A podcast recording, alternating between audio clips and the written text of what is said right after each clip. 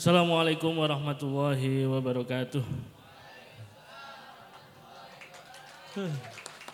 Ini yang mendominasi mahasiswa saya ini. mahasiswa ya yang Agung. Uh, tepuk tangan buat mahasiswa ya yang Agung. Uh, Alhamdulillah. Bismillahirrahmanirrahim. Anbiya wal mursalin.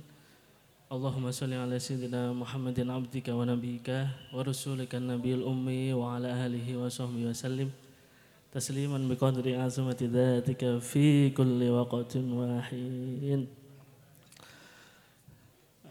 Luar biasa malam ini kita dalam suasana yang sejuk, yang nyaman.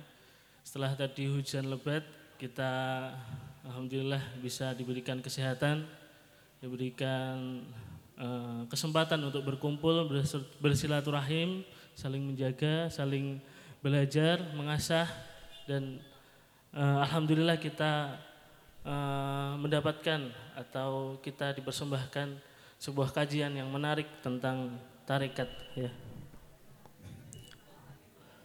Saya langsung akan membacakan susunan acara pada malam hari ini. Yang pertama pembukaan, yang kedua hidayah fatihah, yang ketiga, pemaparan kajian diskusi oleh kedua narasumber kita. Yang keempat, tanya jawab interaktif. Jadi nanti para mahasiswa harus sebanyak-banyaknya bertanya kepada kedua narasumber ya. Dan yang terakhir yaitu penutup. Sebelumnya saya akan memperkenalkan dulu siapa sebenarnya uh, narasumber kita ya. Yang pertama dari uh, sini yang beliau sangat gagah ini, beliau adalah Kiai Muhammad Hurmus atau biasa dipanggil oleh teman-teman Gus Hurmus. Ya, beliau juga dosen YIN Tulungagung, Fakultas Usuluddin Adab dan Dakwah. Tepuk tangan buat beliau. Yang kedua yaitu Kiai Munif Huda, Muhammad Munif Huda, biasa dipanggil Gus Munif. Beliau ini uh, mantan sekretaris pribadi Kiai Haji Abdurrahman Wahid semasa menjabat sebagai Presiden Republik Indonesia. Oke. Tidak usah panjang lebar, kita mulai dengan uh, beberapa hidayah Fatihah. Uh, الفاتحة. بسم الله الرحمن الرحيم. الحمد لله رب العالمين. الرحمن الرحيم. مالك يوم الدين. إياك نعبد وإياك نستعين. اهدنا الصراط المستقيم. صراط الذين أنعمت عليهم إلى حضرة النبي المصطفى محمد صلى الله عليه وسلم وآله وأزواجه وذريته وأولاده. الفاتحة. بسم الله الرحمن الرحيم. الحمد لله.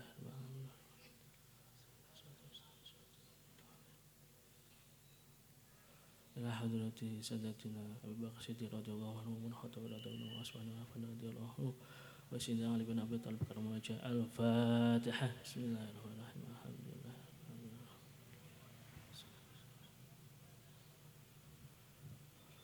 إلى حضرة سيدنا حسن وسيدنا سيدنا حمزة رضي الله عنهم على الفاتحة. بسم الله الرحمن الرحيم. الحمد لله. يا نستعين اهدنا الصراط المستقيم صراط الذين إلى حضرة أهل السلسلة قدر يحن أشعر بالله وشهد لله وشهد شعب قدر الجلال وشهد بالله شهد شهد لما شهد أبو جناب الذي الفاتحة بسم الله الرحمن الرحيم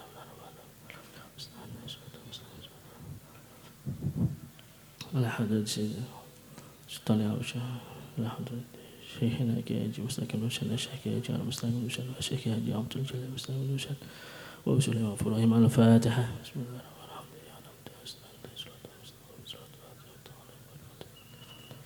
إلى حضرة أبينا آدم وأبونا حواء وجميع الأنبياء والمرسلين الملائكة المقربين وجميع المؤمنين من المسلمين والمسلمين والأحياء بين وحضرة أبي حيدر عليه السلام الفاتحة بسم الله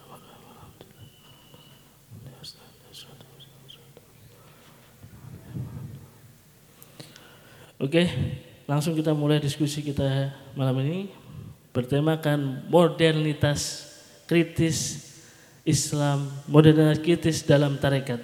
Oke, kita mulai dari Gus Munif terlebih dahulu. Tepuk tangan buat Gus Munif.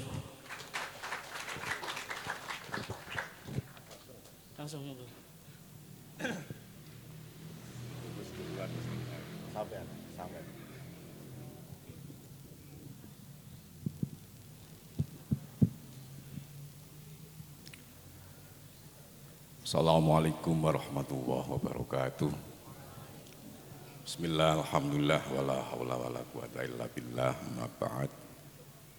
Kepada yang terhormat Sahibul Bed Gus Balya, Gus Hurmus, Pak Agus sebagai eh, apa ini uh, pemilik rumah putih uh, kafe. Sahabat-sahabat yang hadir di sini dari mahasiswa IAIN ya. Hampir semuanya mahasiswa IAIN saya dulu juga pernah di IAIN Tulungagung. Pertama sedikit mungkin uh, perlu kami luruskan Tadi oleh moderator disebut saya itu sekretaris pribadi Al-Maghfurullah Ki Haji Abdurrahman Wahid. Jadi bukan sebagai sekretaris pribadi. Saya itu nyantri. Nah, beda kalau namanya nyantri dengan sekretaris pribadi itu digaji biasanya kan saya nggak digaji biasanya disangoni sangune luwih akeh, lek gaji kan ndak akeh. Jadi mulai tahun 80 eh 98 sampai 2009. Ya alhamdulillah bisa nyantri. Ya etok-etok ono kuliah di Universitas Abdurrahman Wahid kira-kira gitulah. Saya dulu eh, kuliah di IAIN Tulungagung juga fakultas tarbiyah. Tapi dulu masih IAIN Sunan Ampel, kalau sekarang sudah terpisah ya.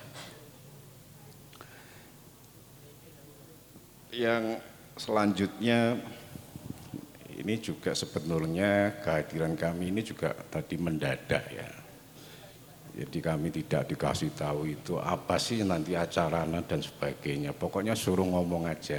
Oleh Gus, Gus Balya itu suruh ngomong aja. Ya sudah ngomong aja nanti kan kira-kira gitu. Ketika saya berangkat ke sini itu saya tadi mikir-mikir soal berita-berita yang sekarang ini lagi anu viral di mana-mana soal banjir di Jakarta. Banjir yang hampir semua lokasi di Jakarta sekarang lagi dikenangi banjir. Yang menarik itu bukan soal banjirnya, tapi soal bagaimana merespon satu fenomena soal banjir itu sendiri, soal peran dari pemerintahan, respon dari masyarakatnya dan sebagainya dan sebagainya. Di luar itu saya kira ini juga satu problema fenomena soal seperti tema malam ini soal modernitas kritis tarekat. Artinya bahwa dalam kehidupan kita yang hingga detik ini, ini kan problematika hidup itu kan hampir semuanya itu ada. Meskipun sebetulnya kalau namanya problema hidup itu dari zaman dahulu kala itu sampai sekarang juga sudah ada. Itu tentu alamiahnya kira-kira begitu, mesti ada satu dinamika perkembangan zaman muncul plus minusnya, manfaat madorotnya, ada masalah-masalah yang mengikuti, kemudian ada satu pemecahan-pemecahan, nanti ada masalah, dan begitu selanjutnya. Jadi seperti satu sesuatu yang mengharuskan kita semua untuk bagaimana menghadapi sebuah kesadaran baru terhadap modernitas ini, nah, itu terkait nanti soal toreko. hampir tidak ada yang mampu saya kira mengatasi siapa pun problem-problem yang ada. Ambil contoh misalkan berbagai macam persoalan kalau kemarin di Wuhan, Cina, wabah corona,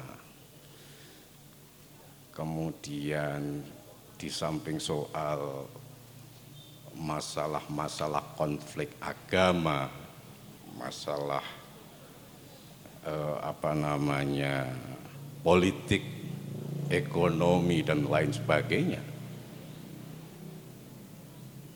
Ini satu pandangan ataupun sesuatu fenomena yang ya memang begitu. Alamiahnya memang begitu.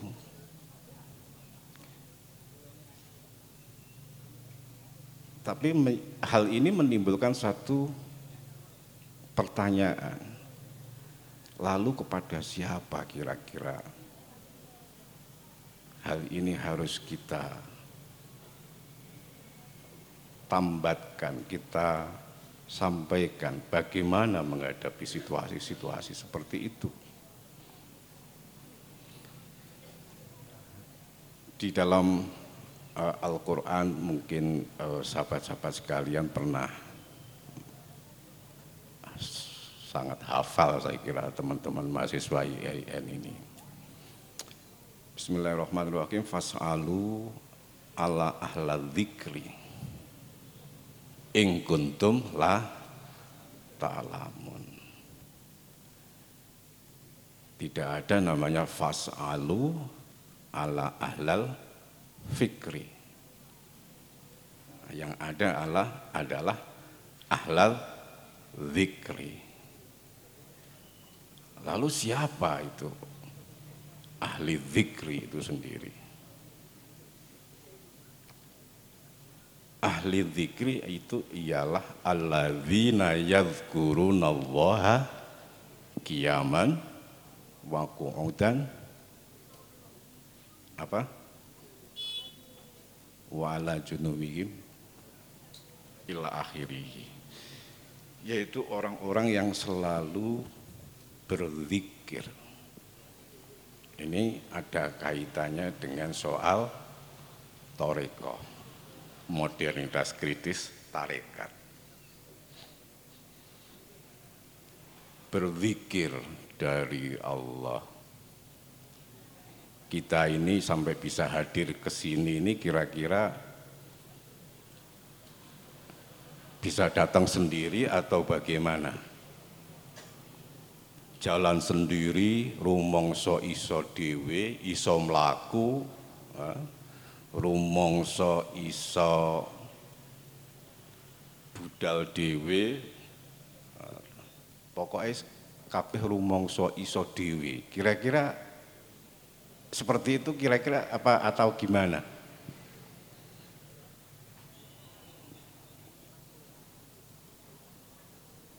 Ya, mungkin sepintas seolah-olah itu kita ini mesti merasa akunya dulu. Keakuan kita itu masih masih ada, masih kuat. Iso mlaku dhewe iso merono iso ini Gusti lahir enek blas ndak nyangkut peran Allahnya ndak ada kita bisa begini tapi itu seolah-olah atas kerja atas usaha pribadinya keakuannya aku semuanya itu atas nama akunya Allahnya tidak ada. Allahnya tidak ada. Padahal apa yang kita lakukan, apa yang kita ucapkan, apa yang kita, apa saja yang selama ini kita lakukan, tentu itu tidak bisa lepas dari Allah Subhanahu wa taala. Tapi fenomena modern itu menghijab ataupun bisa dikatakan justru mengalihkan atau memanipulasi itu semua seolah-olah manusia di atas segalanya. Misalkan makanya kalau dulu Mbah Yai Mbah Yai itu kalau memberikan nasihat selalu apa namanya sing sering-sering ngetoki kuku lah itu kalau saya pernah ingat dawuhnya Mbah Yai Mbah Yai Mustaqim maksudnya ngetoki kuku niku apa ngetoki sifat aku sifat ananiah yang ada dalam diri kita. Lek sifat-sifat aku neki iso pelan-pelan luntur. Keakuane ndek enek. Seolah-olah kita itu gak iso. Tanpa Allah kita ini tidak bisa apa-apa. Itu wis bisa dikatakan kita nyawiji atau kita juga berjalan menyatu bahwa kehadiran Allah itu ada di dalam keseharian kita semua. Makanya semua problem-problem modern kalau namanya sekarang ini apa yang dulu belum ada sekarang ini sudah ada. Sampai kira-kira sekarang ini kita juga bingung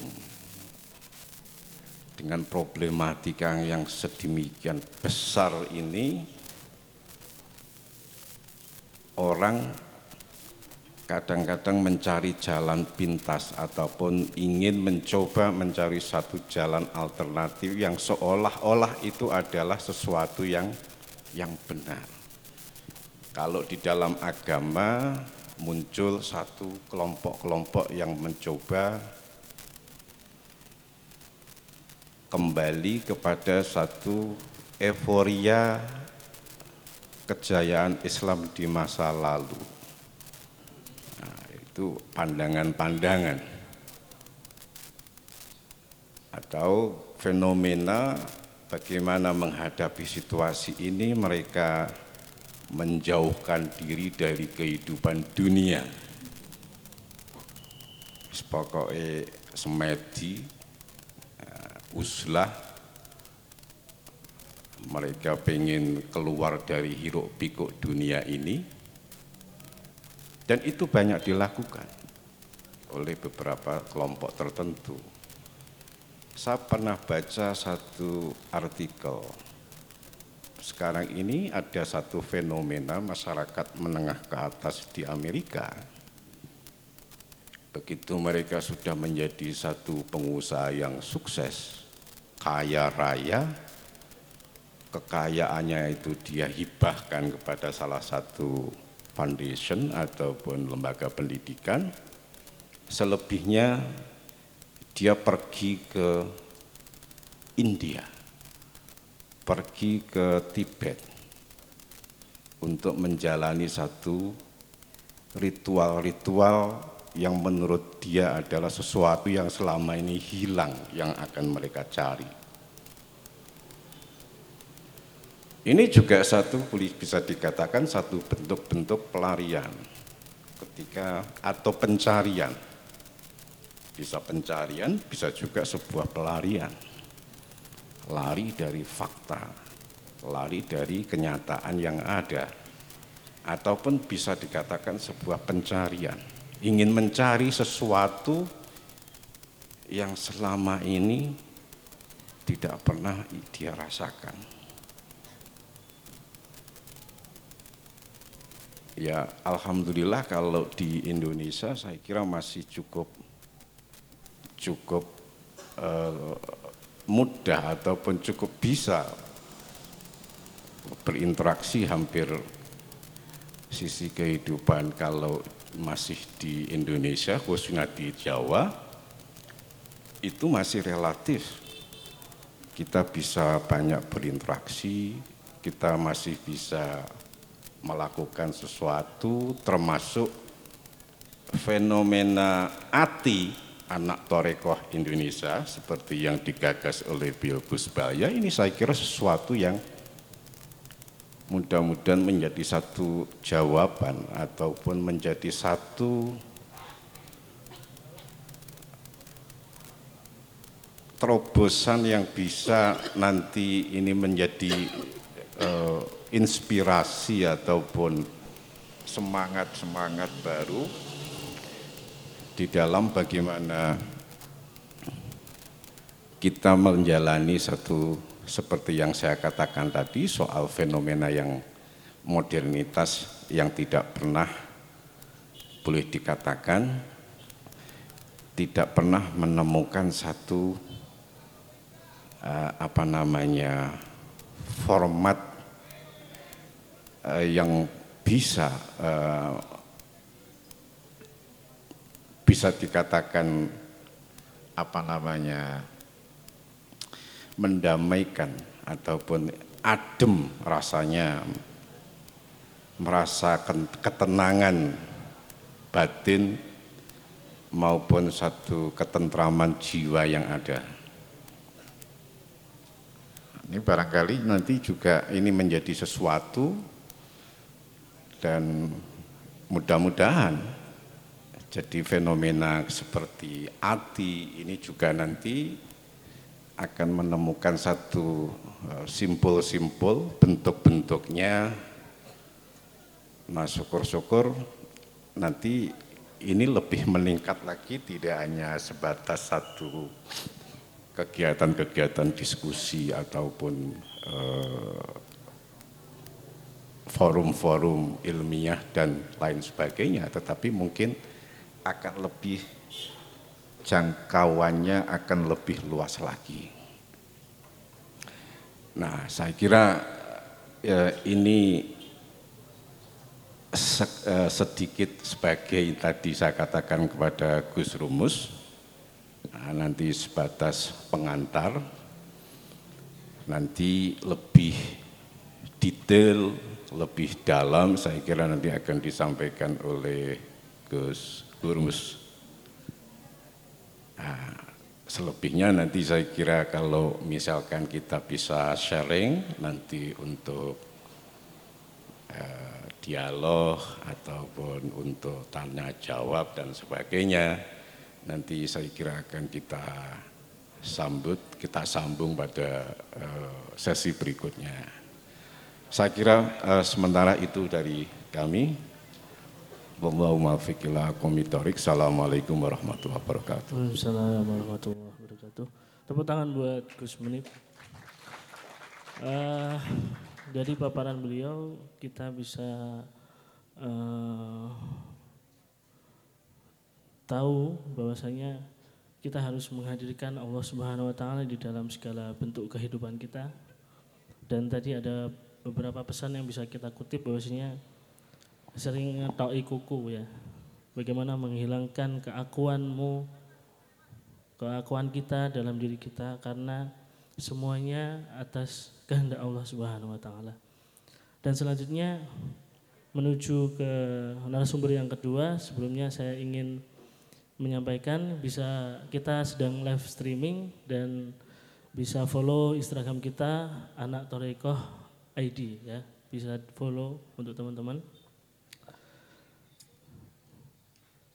Uh, untuk narasumber yang kedua, Gus Surmus, waktu dan tempat kami persilahkan. Assalamualaikum. Tangan untuk Gus Surmus. Assalamualaikum warahmatullahi wabarakatuh. Bismillahirrahmanirrahim. Sebelum membahas tentang modernitas ketistorikoh, jadi kira-kira itu backgroundnya itu begini. Jadi ada dialektika antara Tuhan dan manusia. Antara Tuhan dengan manusia. Ada dialektika dengan peradaban dan kebudayaan manusia. Jadi kalau sebelumnya, sebelum ada agama-agama, itu paling tidak di dalam Yunani itu ada mitologi dan sebagainya. Tapi kita langsung cucuk saja kira-kira eh, yang Tuhan tadi itu masuk dalam teologi. Jadi teologi berkeyakinan bahwa Tuhan itu yang mengurusi dunia. Jadi sejarah dunia ini yang berhak mengurusi Tuhan. Nah ini kadang kalau mutlak bisa bermakna fatalis. Manusia ini hanya wayang. Manusia wayang, semua itu hanya Tuhan. Tapi kalau kodariah, kehendak bebas, ini pertarungan. Manusia yang berhak menentukan sejarah dan yang berhak menentukan dunia dan sejarah ini siapa sih? manusia atau Tuhan? Nah, kira-kira begitu. Jadi manusia. Nah, dalam dalam perjalanan sejarah keilmuan, sejarah filsafat, dan sejarah ilmu-ilmu, ini bertarung. Kayak Nietzsche misalkan, Friedrich Nietzsche itu mengatakan bahwa manusia itu adalah Superman, manusia unggul, punya kehendak bebas. Tapi ternyata Superman is dead, Nietzsche mengatakan God is dead, Tuhan telah mati. Artinya ini sudah jangan teologi terus. Tuhan jangan campur tangan, ini urusan manusia. Sampai munculnya modernitas yang tertinggi. Nah, simbol modernitas ini liberty, kebebasan. Jadi puncak dari kemanusiaan ini kebebasan, tapi ternyata kebebasan membawa kehancuran juga. Maka itu di dalam tema ini kita mengatakan kita harus kritis terhadap modernitas. Di sini kita mencari tengah-tengah antara dalam ahlu sunnah wal jamaah kita mengatakan ya kita sejarah dunia ini siapa yang lebih berhak? Ya Tuhan atau manusia atau dua-duanya. Kita berjuang, kita berdoa, kita ikhtiar tapi hasilnya pasrahkan kepada Allah. Alum sunnah wal jamaah biasanya begitu. Nah, di sini modernitas kritis, kritis terhadap bahwa manusia ini pun memiliki kelemahan ternyata. Dengan segala kemajuan-kemajuan ilmu pengetahuan dan teknologi, itu tetap mempunyai kelemahan. Terutama dalam hal ini kaitannya dengan torekoh yaitu bagaimana torekoh membuka diri terhadap dunia.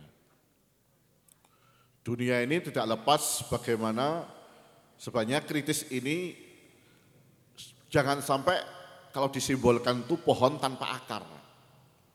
Jadi kita membangun peradaban, membangun kebudayaan yang modern, Islam yang modern, peradaban Islam yang modern, seperti pohon yang menjulang tinggi ke langit, ke aras misalkan, tapi tanpa akar. Akarnya itu apa? Tradisi. Inilah kekuatannya ngapunten, kekuatannya Nahdlatul Ulama itu di situ sebenarnya. Masih menghormati tradisi. Tapi secara umum kebudayaan dan tradisi ini penting sekali.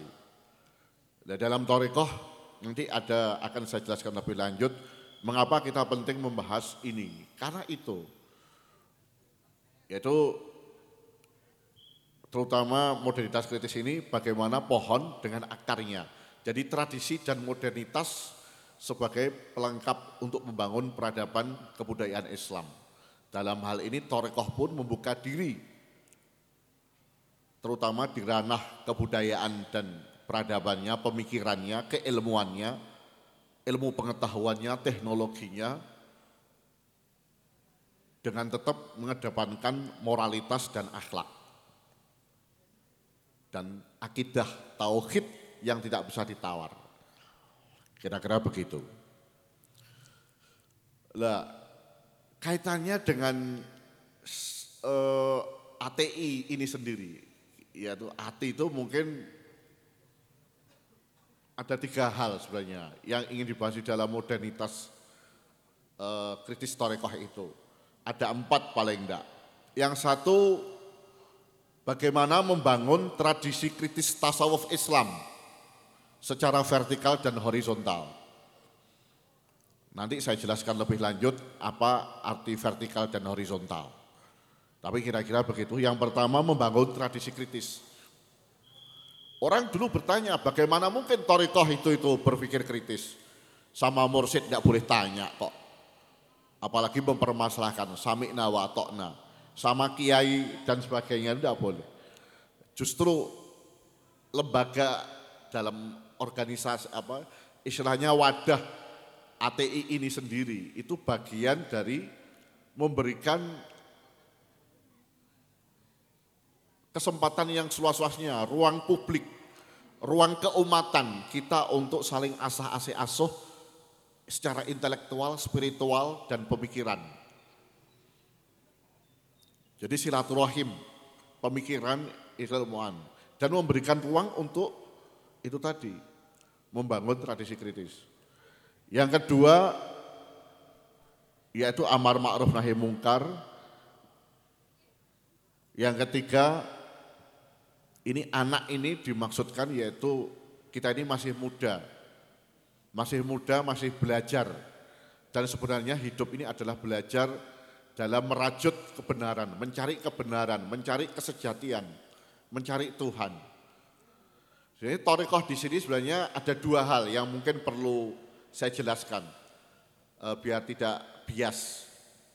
Torekoh dalam artian ATI ini sebenarnya lebih lu, lebih lebih luas. Torekoh artinya jalan untuk mencari Tuhan, jalan untuk mencari kebenaran, jalan untuk menuju kebahagiaan hidup di dunia dan di akhirat.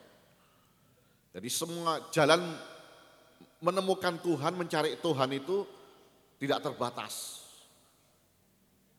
Jadi bukan semata-mata dalam pandangan apa torekoh dalam bentuk yang resmi, yang formal. Tapi torekoh ada dua hal. Yang pertama dalam bentuk torekoh yang murni, yang kedua yang resmi, dan yang ketiga torekoh dalam artian semua manusia ini pasti berusaha untuk mencari kesejatian hidup.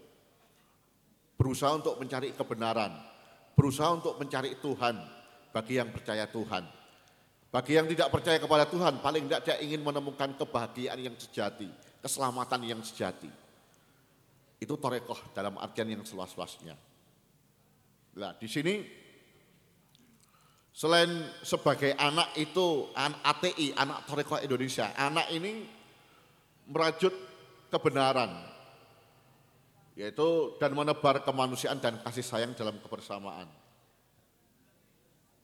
Ini kebenaran yang kita ini kebenaran dalam kebersamaan. Karena kebenaran ini ada dua. Kebenaran yang sifatnya absolut itu milik Allah, sementara kebenaran kita ini hanya kebenaran nisbi. Kita mungkin tidak selalunya tidak selalu benar terus, ketika kita salah. Nah, di sinilah klaim truth, klaim kebenaran itu tidak tepat. Kita harus saling menghormati, menghargai pendapat orang lain belajar untuk share kebenaran, share share pemikiran. Karena kebenaran kita istilahnya Islam i yang kecil, bukan i yang absolut. Kalau i absolut Allah itu pasti benarnya. Kalau kita mungkin mendekati kebenaran atau kebenaran yang mungkin suatu ketika setiap zaman bisa berubah. Kebenaran ilmu pengetahuan aja sudah berubah. Dulu zamannya Newton begitu, zamannya Einstein begitu, Zamannya Galileo Galilei juga sudah berubah. Sama, kebenaran ilmu pengetahuan pun berubah. Karena manusia, kebenaran yang dianu oleh manusia itu nisbi. Uh, yang ketiga, bagaimana ATI ini memberikan uh, kesempatan yang seluas-luasnya untuk kreatif positif sebagai wadah saling asa asuh yaitu tadi silaturahmi intelektual dan spiritual serta pemikiran. Nah ini terutama bagaimana kita ini meneguhkan dalam berislam itu tidak hanya menggunakan rasio.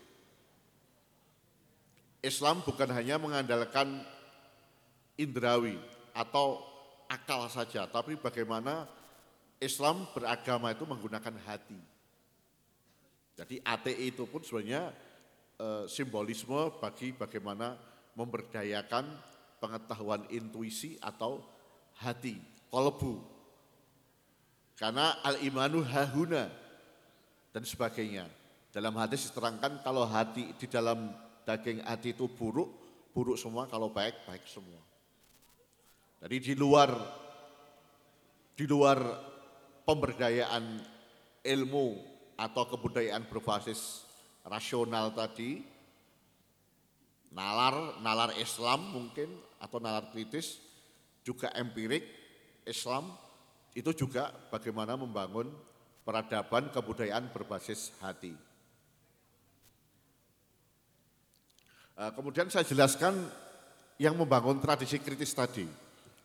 Singkat kata begini, jadi membangun tradisi kritis ini vertikal dan horizontal. Vertikal yaitu hal yang bersifat tradisi tadi ini sebenarnya dalam tradisi ngapunten kita bagaimanapun juga berkaitan dengan uh, ruhaniyah ruhul Islam dalam hal ini tasawuf atau dalam ini tasawuf torekoh. Itu tradisi yang tradisi kritis yang selama ini sesungguhnya ada tapi tidak menjadi catatan, tidak tidak begitu dieksplor yaitu tradisi usul billah dan ma'rifat billah dan serta mukasyafah billah. Ini tradisi yang penting. Jadi tradisi kritis ini harus kita jaga, kita lestarikan. Terutama ini ada di dalam eh, para sufi-sufi yang sepanjang zaman. Sebenarnya ada di situ. Nah, kasanah-kasanah pencerahan usul billah, tradisi maradun kasah billah ini khas torekoh dalam Islam. Yang kedua, Tradisi kritis membangun tradisi kritis secara vertikal ini yaitu penguatan dan pemberdayaan terhadap adab atau akhlak yang baik serta akidah yang benar atau tauhid. Adab dan tauhid ini merupakan inti atau jantung dari agama serta tasawuf. Ini tidak bisa diganggu Semodern apa pun kita, semodern apa pun, itu jangan ngutak ngati ini karena ini kearifan lokal. Istilahnya, kearifan bahkan khazanah harta karunnya, tradisi itu harta karunnya toriko, harta karunnya Islam. Memang tidak semua orang bisa nyampe usul billah, ma'rifat billah, mukasyafah billah. Tapi selalu ada di dalam di dalam apa itu itu yang yang dianugerahi Allah rahmat seperti itu. Di balik banyaknya torekoh-torekoh di dalam di Indonesia dan di dunia ini. Itu tradisi kritis yang vertikal. Yang horizontal yaitu terutama yang saya jelaskan membangun dan mengembangkan humanisme religius atau humanisme Islam lah gitu. Artinya gerakan kemanusiaan berbasis kesadaran beragama. Nah ini contoh, contohnya misalkan pengentasan dan kepedulian terhadap kemiskinan. Lah miskin ini bisa miskin pengetahuan dan ilmu, miskin moral dan akidah, miskin ekonomi. Saya tanya kepada sampean, miskin itu takdir atau bukan? Hah? Takdir ya. Kalau takdir berarti tidak bisa dirubah. Miskin bisa dirubah enggak? Lah ya berarti bukan takdir kan? Bukan takdir. Nah itu, maka dari itu ini kita harus e, memahami itu, pengentasan kemudian terhadap kemiskinan. Yang kedua, ekoreligius, contoh dari gerakan humanisme e, religius tadi misalkan. Ekoreligius itu contohnya ya gerakan kaum agama yang peduli terhadap alam dan lingkungan. Ini mulai mengglobal karena dibalik eh, teknologi yang tinggi dan istilahnya pembangunan-pembangunan atau industrialisasi, alam ini dirusak semuanya. hutan gundul ditebangi untuk untuk apa membangun lahan perkebunan dan sebagainya. Nah ini orang mulai ada gerakan eko religius istilahnya. Eko itu bukan ekonomi tapi ekosistem, ekologi, eko religius. Istilahnya orang mulai berkembang sekarang hidup tanpa plastik. Nah, karena plastik susah didaur ulang. Ya. Sampah sampah plastik itu susah didaur ulang. Jadi gerakan misalkan menanam pohon kembali, menanam pohon dan sebagainya. Atau mendaur ulang sampah dan sebagainya. Penyadaran membuang sampah pada tempatnya. Hal-hal yang sederhana itu. Yang ketiga yaitu kepedulian ekososial. Ekososial ini misalkan bantuan pendidikan atau bantuan kebutuhan pokok bagi yang tidak mampu, program santunan bagi anak yatim, program santunan anak asuh, ini contoh program bantuan untuk lembaga tahfidz yatim dan duafa, misalkan begitu.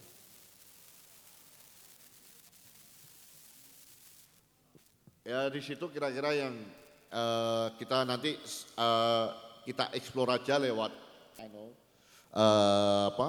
lewat diskusi, lewat mungkin uh, lebih enak. Uh, tadi sudah saya pancing-pancing kira-kira eh, pembahasan kita segitu dulu. Nanti kita bisa mengeksplor lewat pertanyaan-pertanyaan dari sampean saya harapkan kita bisa kembangkan lagi. Sementara dari saya itu dulu, mungkin bisa dilanjutkan dengan sesi tanya jawab. Baik, uh, sebelumnya saya mau uh, ada pertanyaan sedikit ini, Gus. Uh, mungkin teman-teman mahasiswa masih belum terlalu paham sebenarnya apa pentingnya kita meniti jalan tarekat. Tadi disampaikan bahwasanya ada tarekat secara tradisi dan metodologi metodologi metodologi sudah jelas dan ada tarekat yang itu sebuah jalan kebenaran yang setiap manusia ini memiliki jalan kebenaran. Jadi mungkin bisa di uh, apa dijelaskan kembali kira-kira teman-teman ini apa perlu mengikuti tarekoh yang atau tarekat yang uh, ada metodologinya yang jelas atau mereka cukup dengan melakukan ibadah-ibadah wajib, ibadah-ibadah sunnah secara syariat atau gimana, Gus? Uh, terima kasih. Ya, ya secara umum torekoh itu tadi saya jelaskan dalam artian luas tidak ada manusia yang tidak berusaha mencari jalan. Semua orang punya way of life, gitu. Semua orang punya cara hidup dan jalan hidupnya masing-masing. Dan itulah torekoh. Hanya saja tadi ada saya sebut torekoh yang resmi. Nah, salah satu tradisi torekoh yang resmi inilah yang juga bagian dari harta karun dan kekayaan. Kekayaan kearifan lokal.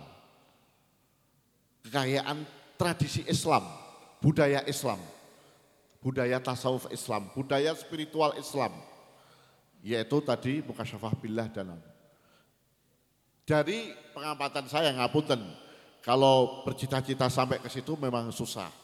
Tapi paling enggak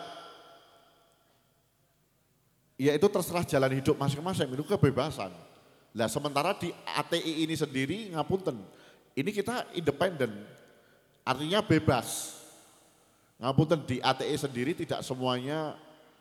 Jangankan yang e, bebas Islam apa saja, madhabnya apa bahkan yang non muslim pun kita ada di ATE itu. Artinya kita kembangkan kebersamaan, kebinekaan dalam kebangsaan ini, dalam mencari istilahnya yaitu tadi membangun eh,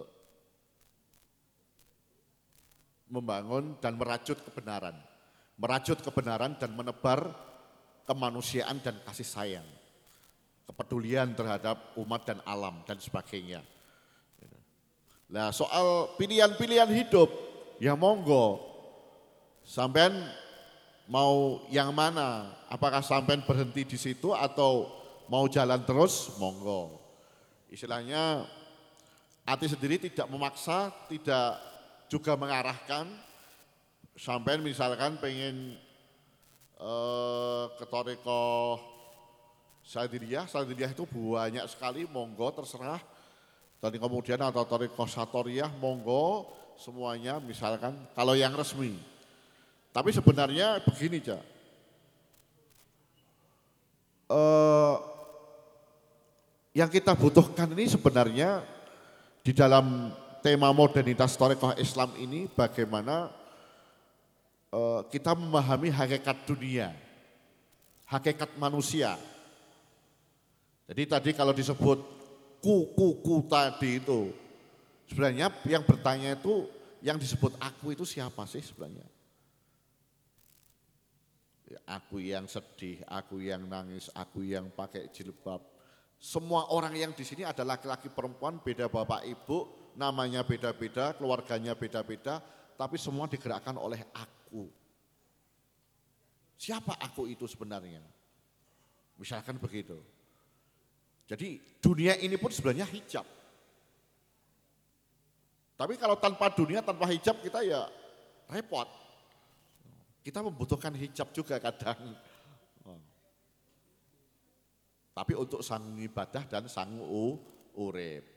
Sang urip, sang ibadah. Membutuhkan dunia. Cuma dunia itu jangan kau masukkan di dalam ha, hatimu. Kalau kau mampu menggenggam dunia, genggamlah dunia. Tapi jangan kau masukkan di hatimu. Hatimu itu hanya untuk Al- Allah. Gitu. Nah di situlah. Jadi tadi selain mengajarkan kepada akhlak, adab, tauhid, juga kebersihan hati. Nah hal-hal semacam ini di tengah modernitas yang banyak krisis identitas, krisis jati diri, keterasingan, di balik kemajuan-kemajuan kebebasan itu juga malah kebablasan dan sebagainya. Ada ada positif dan ada negatifnya. Maka dari itu di sini dikatakan kita harus kritis. Kritis melakukan kritik, otokritik terus, kritik dan otokritik. Kalau kritik terus seolah-olah kita benar. Tapi harus ada otokritik. Kritik terhadap diri kita sendiri. Jangan-jangan yang kita lakukan belum benar. Jadi watawasau bil haqi watawasau sober. Jadi saling nasihat menasehati atau kritik yang santun kepada yang lain dengan kesabaran dan kebenaran, tapi juga otokritik. Karena kita bukan Tuhan, kita bisa salah. Kira-kira begitu. ya? Iya, iya. Sudah sangat jelas apa yang disampaikan oleh Gus Rumus. Tapi saya eh, bertanya sedikit ini Gus. Misalkan kita nggak ikut tarikat resmi Gus, tapi ingin cepat muhasyafah dan makrifat billah itu apa bisa? Iku karunia Allah, anugerah Allah. Siapa pun kalau dikehendaki Allah bisa. Kalau Allah memberikan. Tapi memang kadang secara secara keilmuan atau secara tradisi pun itu agak susah. Kalau tapi tidak menutup kemungkinan. Ngapunten, kalau sekedar melek bisa melihat alam gaib atau atau ahli nerawang itu tidak selalu orang Islam loh. Orang Nasrani ya ada, orang Yahudi ya ada, orang Hindu, orang Buddha. Ngapunten orang yang agamanya pun kepercayaan juga ada, orang yang ahli nerawang. Maka itu saya katakan muka syafah bi billah. Artinya yang orang itu yang kita tujuan hidup kita itu apa sih? Wa ma khalaqtul jinna wal insa illa liya'budun, mengabdi kepada Allah dan Rasulullah. Artinya bagaimana pembukaan hijab itu itu menjadikan kita itu jauh dari Allah atau dekat dengan Allah. Itulah yang yang penting di situ. Karena tujuan kita mendapatkan ridho Allah dan cinta Allah. Kasih sayang Allah. Jadi kalau sekedar melek, wah iso ndelok malaikat alam gaib, oh, semuanya bisa asalkan dikaruniai Allah. Karena manusia itu fi ahsani takwim. Apa pun agamanya, apa pun kepercayaannya, apa pun ideologinya, kalau Allah menghendaki dia itu indigo misalkan. Dia bisa menembus alam ruang dan waktu. Alam gaib dan sebagainya, dimensi itu bisa. Tapi persoalannya yang kita bicarakan di sini kan itu tadi, kenapa ada tradisi adab dan tauhid. Bagaimana seseorang itu dia dengan dibuka itu akhlaknya tambah buruk atau tambah baik. Akidahnya tambah rusak atau tambah baik. Dia menjadi dekat dengan Allah atau malah memusuhi Allah. Dan nabinya dan rasulnya Muhammad sallallahu alaihi wasallam. Berarti yang terpenting adalah akhlak kita dan bagaimana ketaatan kita bisa meningkat dengan apa pun anugerah yang diberikan oleh Allah bisa muhasyafah billah atau ma'rifat billah atau berupa hidayah keimanan yang kita uh, aplikasikan di dalam akhlak kita kepada sama manusia, kepada sama orang yang beragama. Saya ingin uh, mendengar cerita sedikit ini untuk Gus Munif. kira kira-kira ada satu cerita yang mungkin sangat membekas di dalam kehidupan Gus Munib selama uh, mendampingi Gus Dur ini. Mungkin ada kisah di mana itu adalah uh, sifatnya pembaharuan uh, modernitas di dalam kita tahu Gus Dur juga orang yang bertarekat. Mungkin ada monggo. Ya, menyambung dari tadi yang disampaikan pertanyaan, perlukah kira-kira tarekat ini untuk kita semua. Kira-kira begitu kan dari awal tadi kan.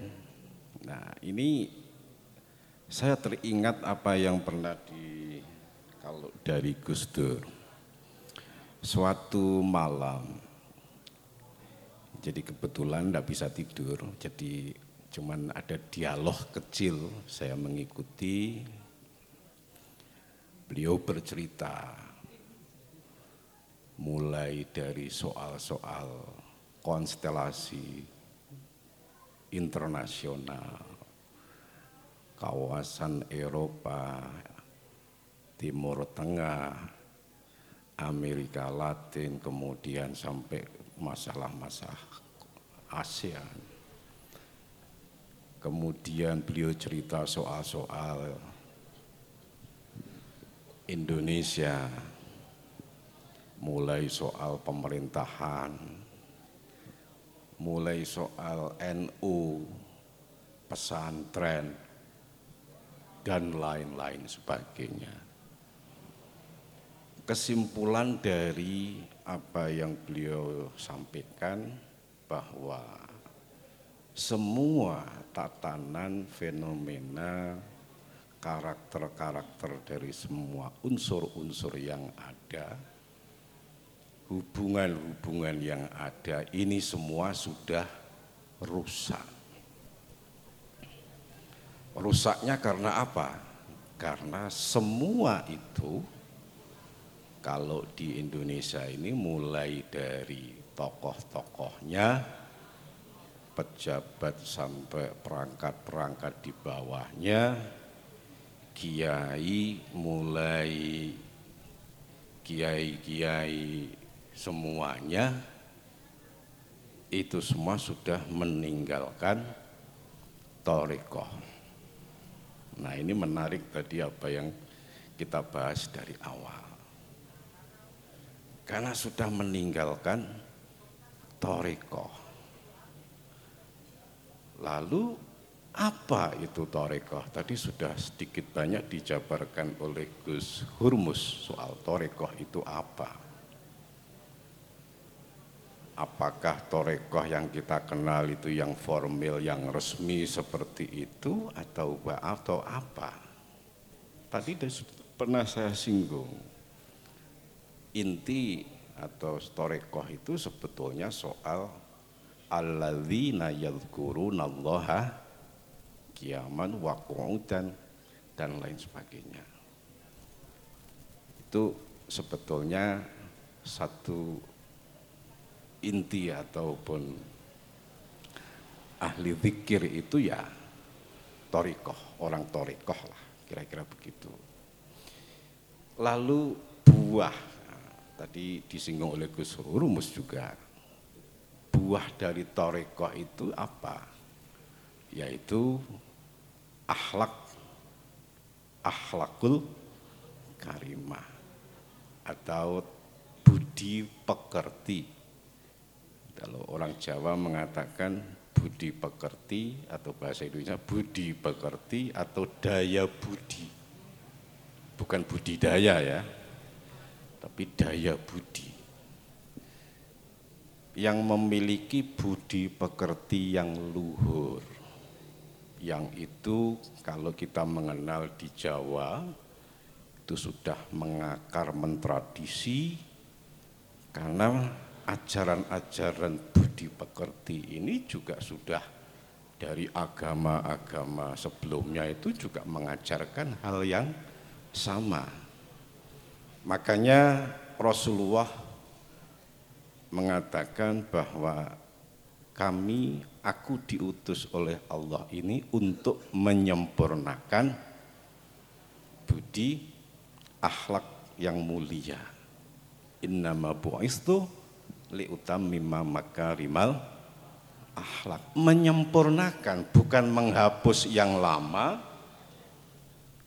atau menyalahkan yang lama kemudian memakai yang baru tetapi dari yang lama yang sudah ada beribu-ribu tahun sebelumnya itu disempurnakan semakin sempurna sempurna dan cukup dianggap sudah sempurna. Ini ini satu satu hal, satu tata nilai yang bukan datang tiba-tiba tetapi memang sudah ada dari ajaran-ajaran apa pun itu. Makanya apakah torekoh itu hanya ada di dalam ajaran Islam saya kira agama-agama lain, agama samawi terutama, itu punya satu pandangan ataupun ajaran-ajaran soal soal seperti tata nilai ataupun torekoh yang yang seperti yang saya maksudkan. Karenanya namanya torekoh, kalau kita bicara torekoh dalam kehidupan sehari-hari biasanya Mbah Yai Mbah itu selalu mengajarkan mengenalkan torekoh itu tidak hanya ketika kita sudah tua tapi sejak kita di dalam usia kandungan ibu itu sudah diajarkan dikenalkan soal torikoh. Kalau dalam tradisi Jawa itu biasanya ada neloni, mitoni, apalagi itu. Sampai nanti lahir ya ada upacara selamatan, ada wah macam-macam. Itu sebetulnya satu kreasi-kreasi budaya, hasanah kekayaan tradisi yang itu sebetulnya semua terkait dengan tata nilai apa yang uh, itu uh, apa nama upaya untuk mengenalkan diri uh, baik si jabang bayi yang baru lahir ini untuk mengenal kepada Allah Subhanahu wa taala. Jadi sangat sangat penting apakah apa namanya ketika kita misalkan yang kita pahami mungkin torekoh itu ya ritualnya, amalianya atau yang metodenya mungkin seperti itu. Ini luas, pengertiannya sangat luas. Jadi kalau kita bicara soal akhlak, tata krama atau budi pekerti ini sangat luas. Saya masih ingat kalau dulu di kampung-kampung kalau orang tua orang tua itu selalu menasihati kepada anaknya kalau kita melewati makam kampung umum. Kita biasanya di eh, apa Assalamualaikum misalkan. Atau ya paling tidak hadiah Fatihah. Atau kita melewati satu tempat yang kita belum pernah tahu tempat itu dan mungkin tidak seorang pun pernah melewati tempat itu. Tapi kita juga punya satu ikhtiar atau satu tata krama, akhlak. Assalamualaikum atau apalah dengan caranya, kalau bahasa Sunda itu apa namanya, ada caranya juga, mungkin di Jawa ataupun di suku yang lain itu juga punya satu satu kreasi, satu seperti itu. Intinya adalah soal akhlak. Dulu ada istilah tanah Jawa ini angker. Jalmo moro, jalmo mati paham ya kalau semuanya dari anu ini, dari ada yang luar Jawa. Enggak ada ya? Oh dari Thailand ya. Tanah Jawa itu dikenal dulu sebagai Jalmo Moro Jalmo Mati. Siapa yang menginjakkan kaki di tanah Jawa ini mati.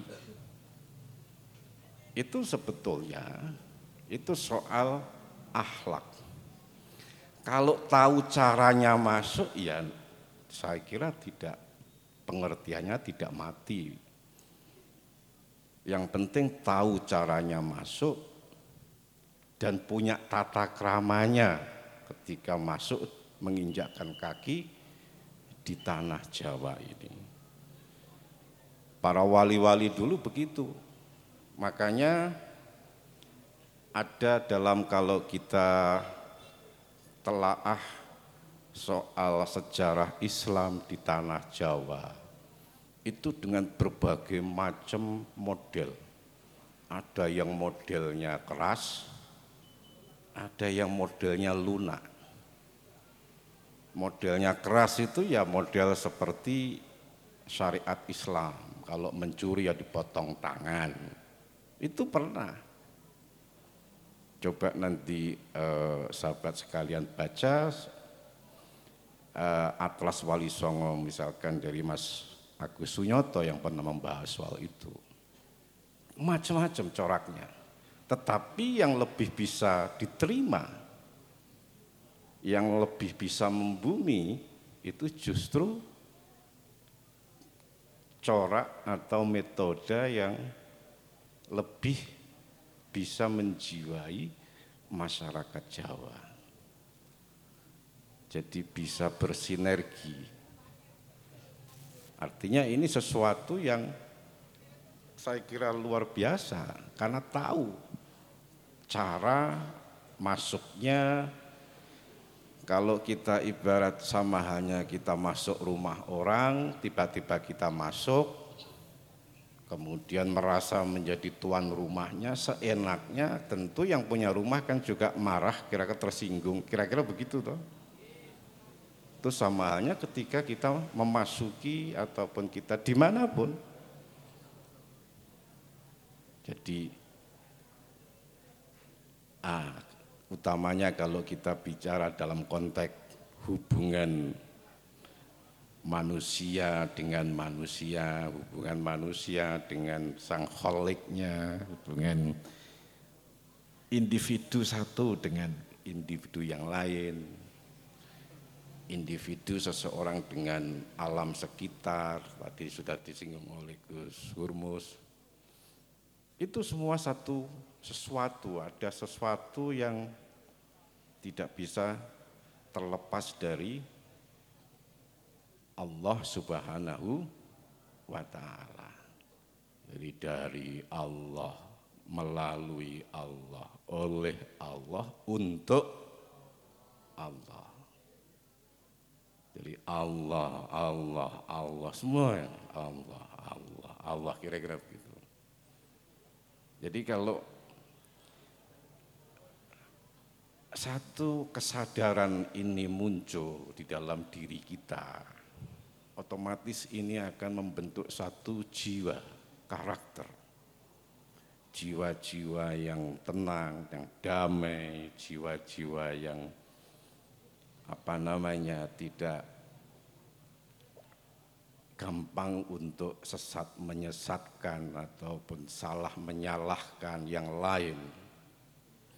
Tetapi jiwa yang selalu bisa uh, membeningkan suasana yang keruh, bisa mendinginkan suasana yang panas, bisa menghangatkan suasana yang beku, kira-kira begitu. Jadi ada sesuatu yang dalam dinamika itu akan terus bergerak dan terus bergerak mengikuti setiap tarikan nafas dan lain sebagainya. Kalau ini dimiliki oleh masyarakat semuanya, saya kira Indonesia ini akan menjadi betul-betul masyarakat yang damai, masyarakat yang betul-betul diridhoi, kira-kira begitu. Nah saya kira itu tambahan sedikit dari kami. Siap Gus. Baik kita masuk ke sesi yang kita nantikan yaitu sesi tanya jawab. Uh, kita bagi beberapa termin. Yang pertama kita beri kesempatan untuk semuanya mengacungkan tangan tapi saya pilih tiga. Ya. Silakan siapa yang mau bertanya sebutkan uh, apa namanya siapa dan dari mana. Silakan tiga pertanyaan. Monggo.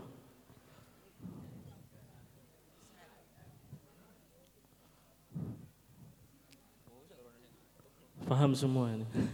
Oke, yang belakang ada lagi? Ya masnya ini sama mbaknya itu ya. Oke, yang pertama yang masnya di belakang. Tolong mic-nya.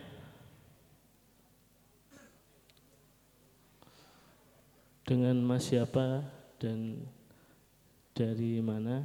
Dari dunia apa? Dari akhirat? Monggo. Boleh berdiri Mas. Monggo. Enggak usah. Oh, enggak usah. Cuma suaranya saja. Siap. Iya. Silakan. Karena saya berdiri sama duduk sama saja. Oke, terima kasih.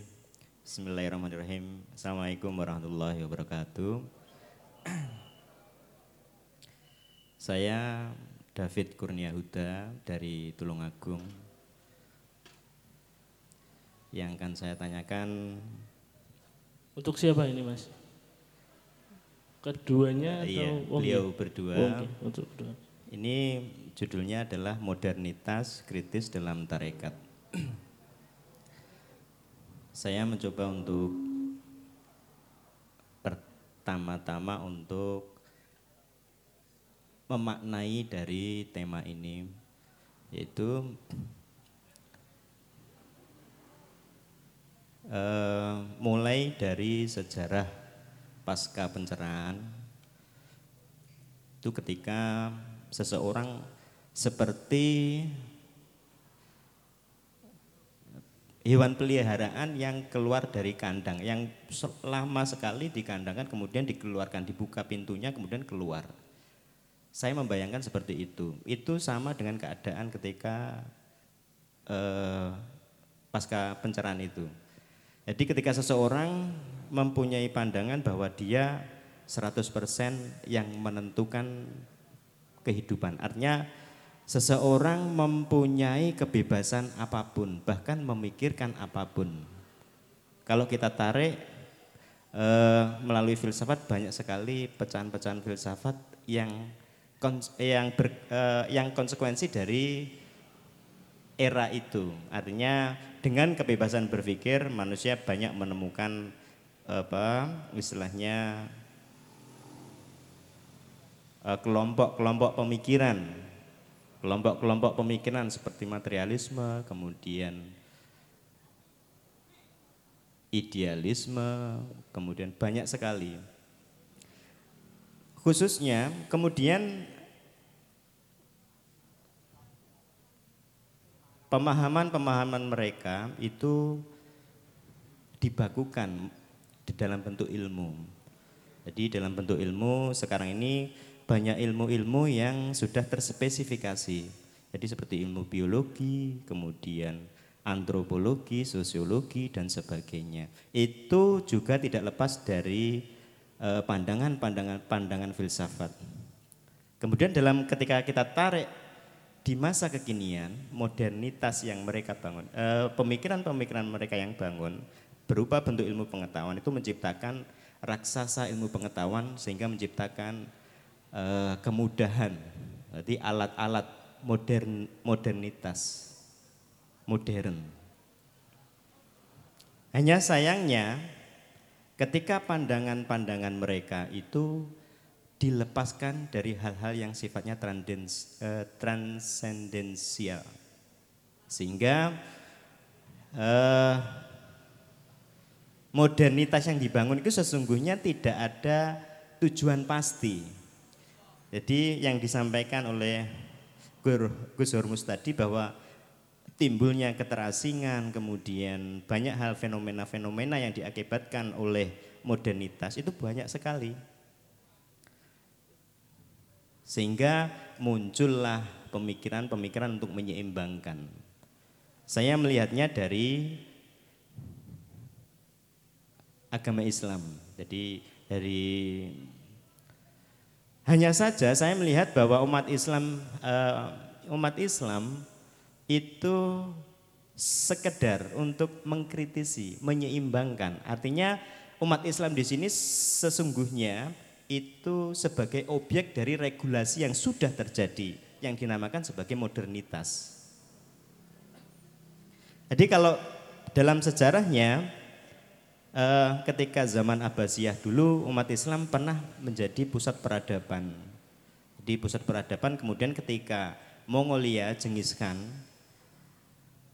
itu kemudian membakar perpustakaan perpustakaan yang di dibuat atau karya dari ilmuwan-ilmuwan muslim kemudian pasca kejadian itulah umat Islam mengalami kemunduran dan sampai saat ini akibatnya sudah ter, kita terasakan penemuan-penemuan ilmu pengetahuan yang bermanfaat bagi kehidupan maupun yang sebaliknya itu ditemukan oleh bukan umat Islam. Banyak sekali kajian yang mempertanyakan begini. Apakah yang mewacanakan bahwa apakah ada keserasian antara ilmu pengetahuan dengan agama. Jadi eh, dari umat Islam sendiri mencoba untuk menerjemahkan ini. Jadi intinya begini, pertanyaannya adalah eh,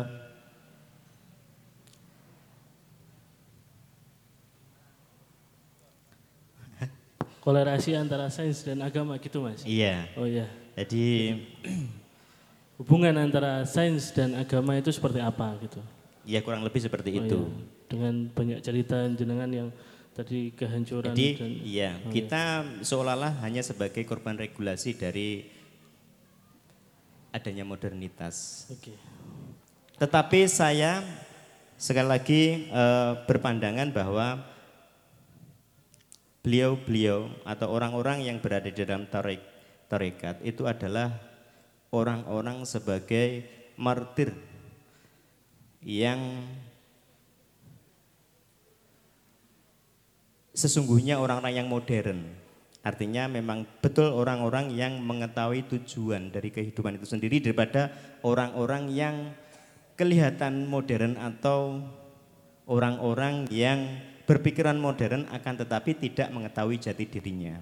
Begitu. Terima kasih. Assalamualaikum Oke, warahmatullahi wabarakatuh. Uh, pertanyaan yang kedua untuk masnya yang di depan, nanti bisa langsung tutup poin aja ya. Oke. Untuk masnya.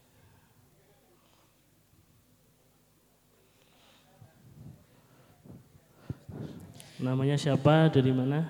Terima kasih. Assalamualaikum warahmatullahi wabarakatuh. Waalaikumsalam. Perkenalkan nama saya Muhammad Fuad Zen dari IAIN Tulungagung. Langsung saja dari tema yang ada, saya terpikirkan pada uh, term kritis dan tarekat. Kalau kita lihat pada sejarah, Kita ambil salah satu contohnya Al-Halaj. Beliau dihukum mati bukan gara-gara alirannya yang sesat, tetapi gara-gara mempunyai suatu gerakan masif yang mengkritik pemerintah yang korup.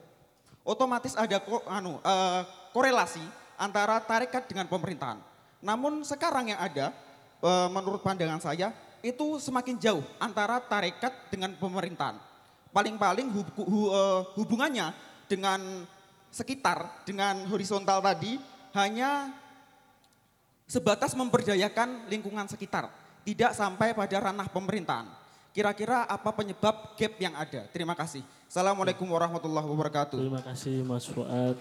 Eh, ini untuk narasumber yang mana? Oh, untuk yang keduanya, beliau berdua. Oke, yang ketiga yang dari perempuan tadi sebelah sana, Mbak.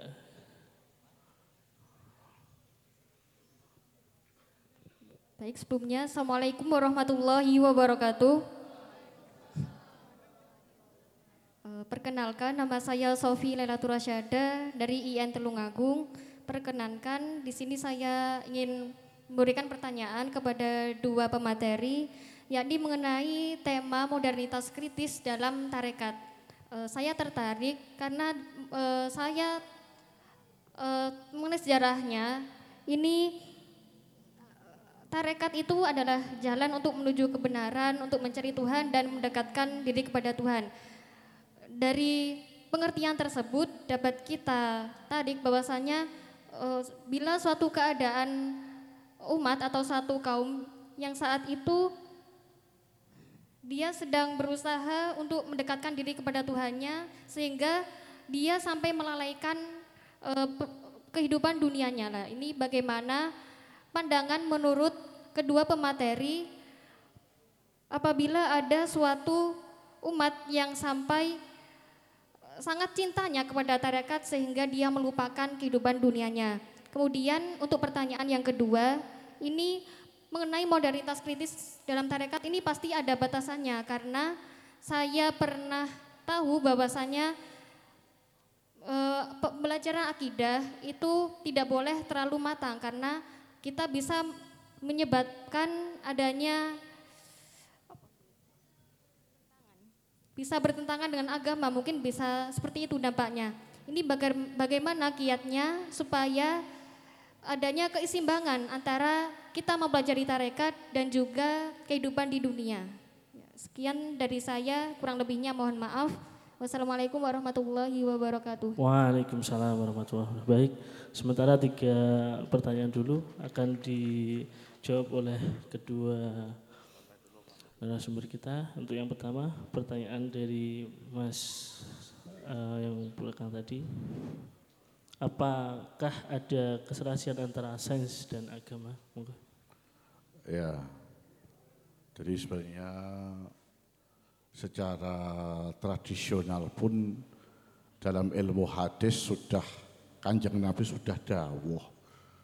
Kalau kamu ingin dunia dengan ilmu, kalau ingin akhirat dengan ilmu, kalau ingin keduanya dengan ilmu. Jadi sebenarnya tidak usah bingung hubungan antara sains dan agama. Gitu. Jadi karena sebenarnya sudah inherent Tolabul ilmi faridatun ala kulli muslimin wa muslimatin dan sebagainya. Terutama dalam perspektif Islam itu sains dan anu. Cuma memang sekarang ini terjadi sekularisme itu, Mas.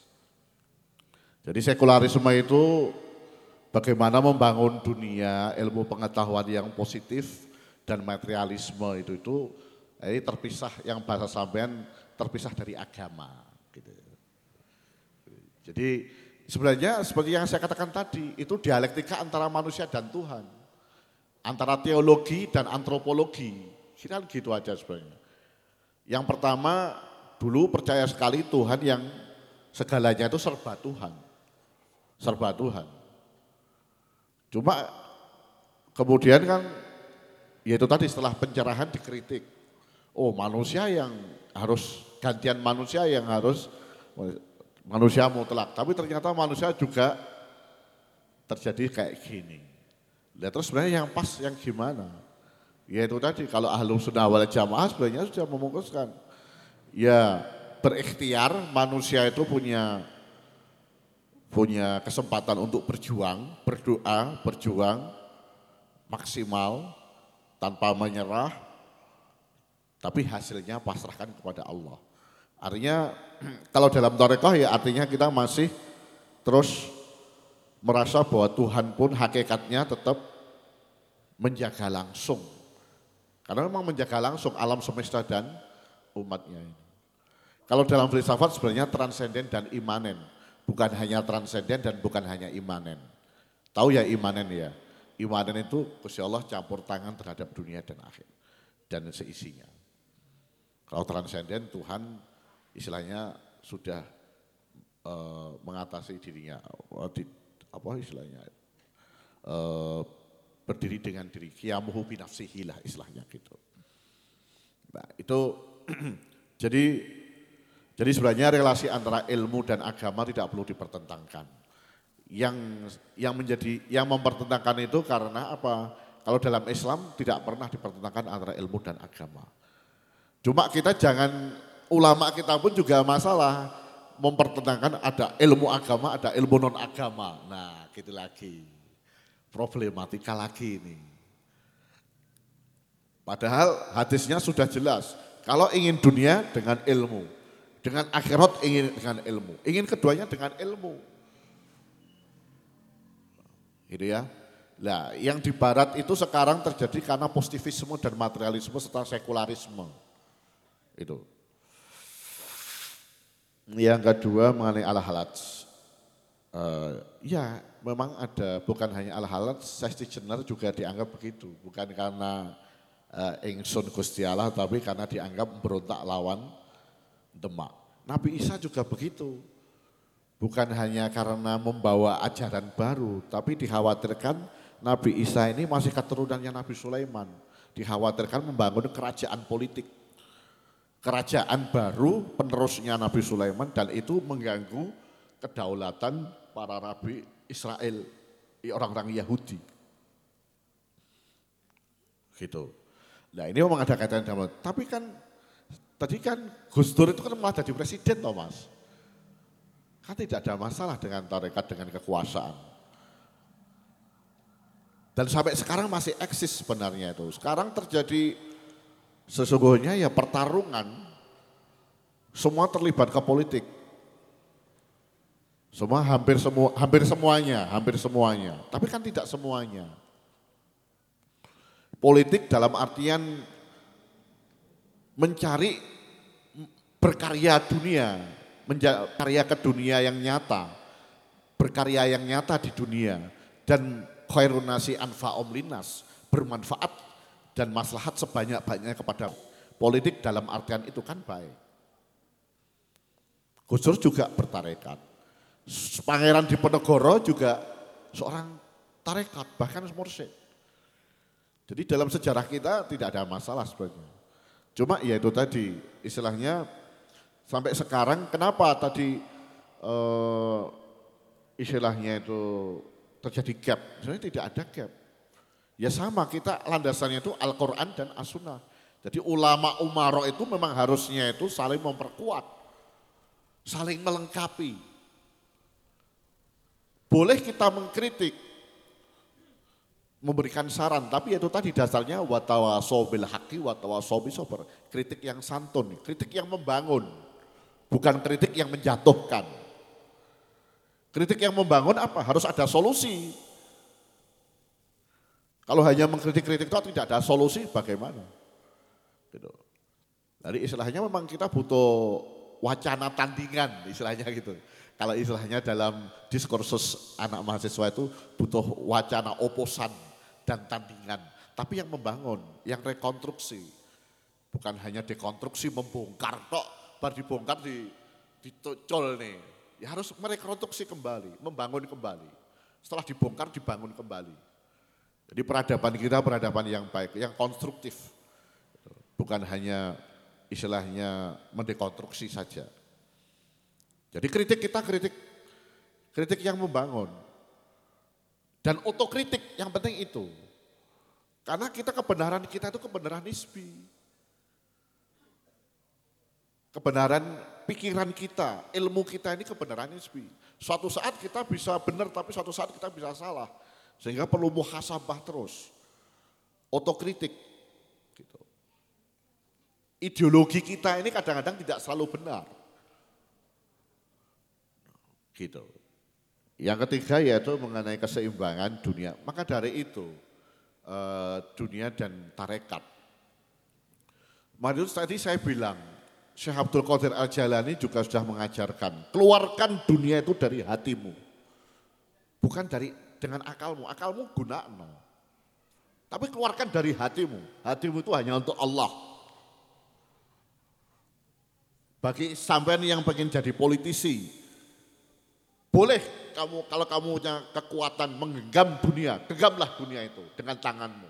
Tapi jangan kau masukkan dunia itu di dalam hatimu. Karena hatimu itu hanya untuk Allah dan Rasulnya. Begitu istilahnya gitu. Tauhid kita kita jaga. Lah, di sini justru kita bagaimana agar kita itu terjaga dari dunia. Tarekat itu bukan anti dunia. Yang benar torekoh itu tidak anti dunia, tidak anti sosial, tidak anti politik. Bukan ahistoris juga. Kita harus melek sejarah, melek dunia juga. Jadi biar apa? Ya ma'rifatut dunia, muka syafatut dunia. Karena dunia ini juga hijab. Saya sebut tadi hijab sebenarnya. Hijab antara kita dengan Allah. Tapi ya kita butuh dunia. Kadang kita butuh hijab juga. Ngapunten sampean eh, kadang ketika makan, ketika makan itu sampean wis lali, sampean lali karo tai, karo anu dan sebagainya. Sudah dilupakan. Coba kalau sampai bisa menerawang semuanya sampai um, sing kotoran-kotoran diingatkan itu. Itu kan butuh hijab. Kalau semua orang ini bisa sampai terawang, malah repot. Kita butuh jilbab, butuh aurat itu juga hijab. Pakai baju, semuanya telanjang bulat ya repot. Butuh hijab. Itulah dunia. Gitu ya. Jadi bagaimana agar seimbang? Ya Robbana atina fid dunia hasanah wa fil akhirati hasanah wa qina adzabannar.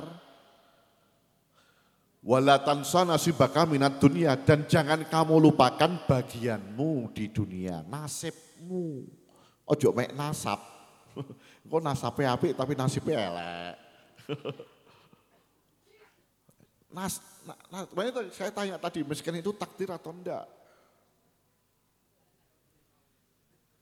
Kalau bukan ya berarti kita harus berjuang.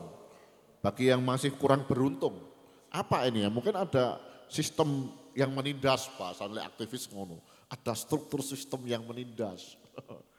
ada kebijakan-kebijakan yang tidak berpihak pada orang duafa dan fakir miskin. Orang yang lemah dan dilemahkan misalkan gitu. Tapi kira-kira ya itu tadi. Jadi keseimbangan, kebaikan di dunia dan kebaikan di akhirat. Jadi kira-kira gitu ya. Uh, saya serahkan kebenaran kepada Gus Munib untuk melanjutkan.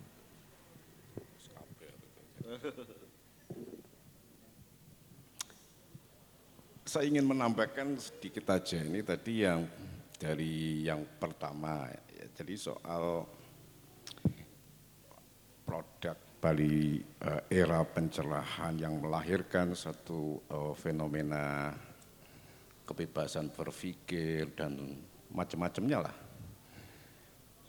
Nah, saya kira sebatas apa namanya itu satu pandangan-pandangan namanya orang berpikir, orang berkreasi, orang berimajinasi, meng, mengembangkan apa yang menjadi satu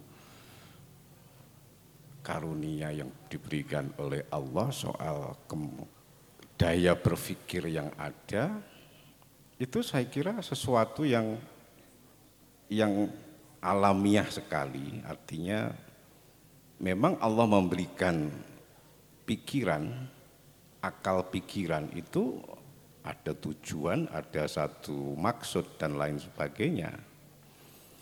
Jadi sebatas itu pemikiran saya kira tidak ada masalah. Saya teringat kalau di dalam dunia politik ini jadi fenomena soal ketika waktu Gus Dur sebagai presiden beberapa kawasan termasuk Indonesia Timur, Papua bergejolak soal fenomena gerakan Papua apa namanya organisasi Papua Merdeka. Nah di situ kalau itu organisasi kelompok ataupun masyarakat di situ punya satu kreasi ataupun keinginan-keinginan dan sebagainya, ya itu silahkan. Tetapi kalau sudah menjadi sebuah gerakan, tindakan, nah itu saya kira juga ada satu mekanisme atau satu batasan-batasan. Tentu tarekat menjadi sesuatu di antara kedua itu. Yang bagaimana tadi saya katakan bisa lebih melenturkan antara pikiran-pikiran, ide-ide, gagasan-gagasan itu ketika ini mau diaplikasikan di dalam kehidupan bermasyarakat tentu ada mekanisme, ada hal-hal yang itu juga harus diikuti.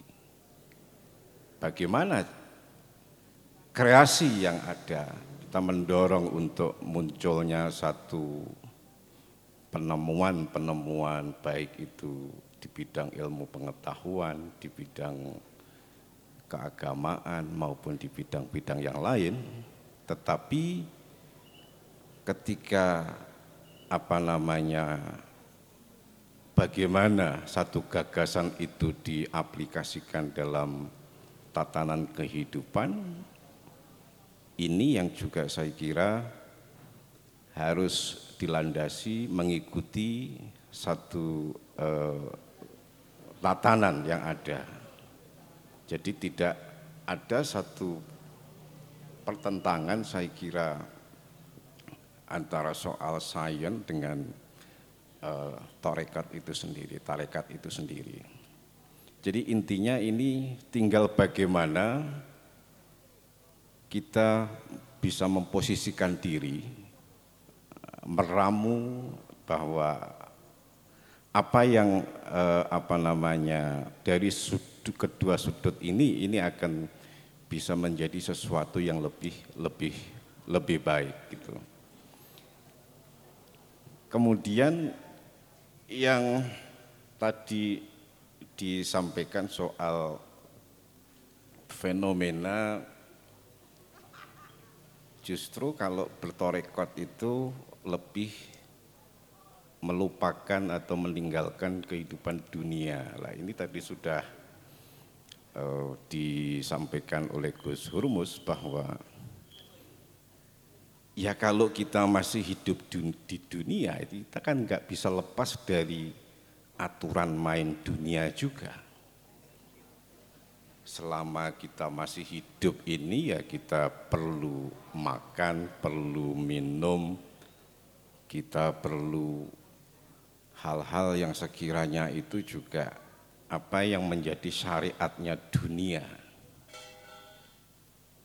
Itu tidak bisa kita lepaskan Justru kalau kita melepaskan dari kehidupan dunia ini ya itu namanya uh, melarikan diri itu, bukan apa namanya istilahnya, bukan menghadapi satu kenyataan-kenyataan. Tapi justru dengan dunia, makanya kalau kita membaca eh, apa namanya sejarah Syekh Abil Hasan As-Sadili, beliau seorang mursyid Torikoh, beliau seorang pengusaha kaya raya, mungkin kalau kita gambarkan profil beliau itu adalah profil, profil seorang yang parlente ya dengan pakaian yang serba mewah, serba bagus, tetapi dengan gaya atau performance seperti itu, itu hanya ingin beliau bagaimana menunjukkan dengan memakai baju yang bagus itu adalah menunjukkan rasa syukur kita kepada Allah Subhanahu wa taala. Tekone rasa syukur itu kira-kira ketika kita mendapat satu kenikmatan atau ketika kita ada musibah. Jadi kalau kita memakai baju yang bagus, semua serba yang bersih itu bukan sesuatu yang yang bukan sesuatu yang saya katakan itu hanya untuk kemewahan semata, tetapi itu menjadi sesuatu wujud dari rasa syukur. Rasa syukur kita kepada Allah Subhanahu wa taala. Mungkin kita berdandan ke mana-mana serba wangi, serba ini dan sebagainya bukan karena semata-mata untuk mempertontonkan kemewahan, tetapi bagaimana kita menunjukkan rasa syukur kita kepada Allah. Tentu ini akan berbeda. Akan berbeda.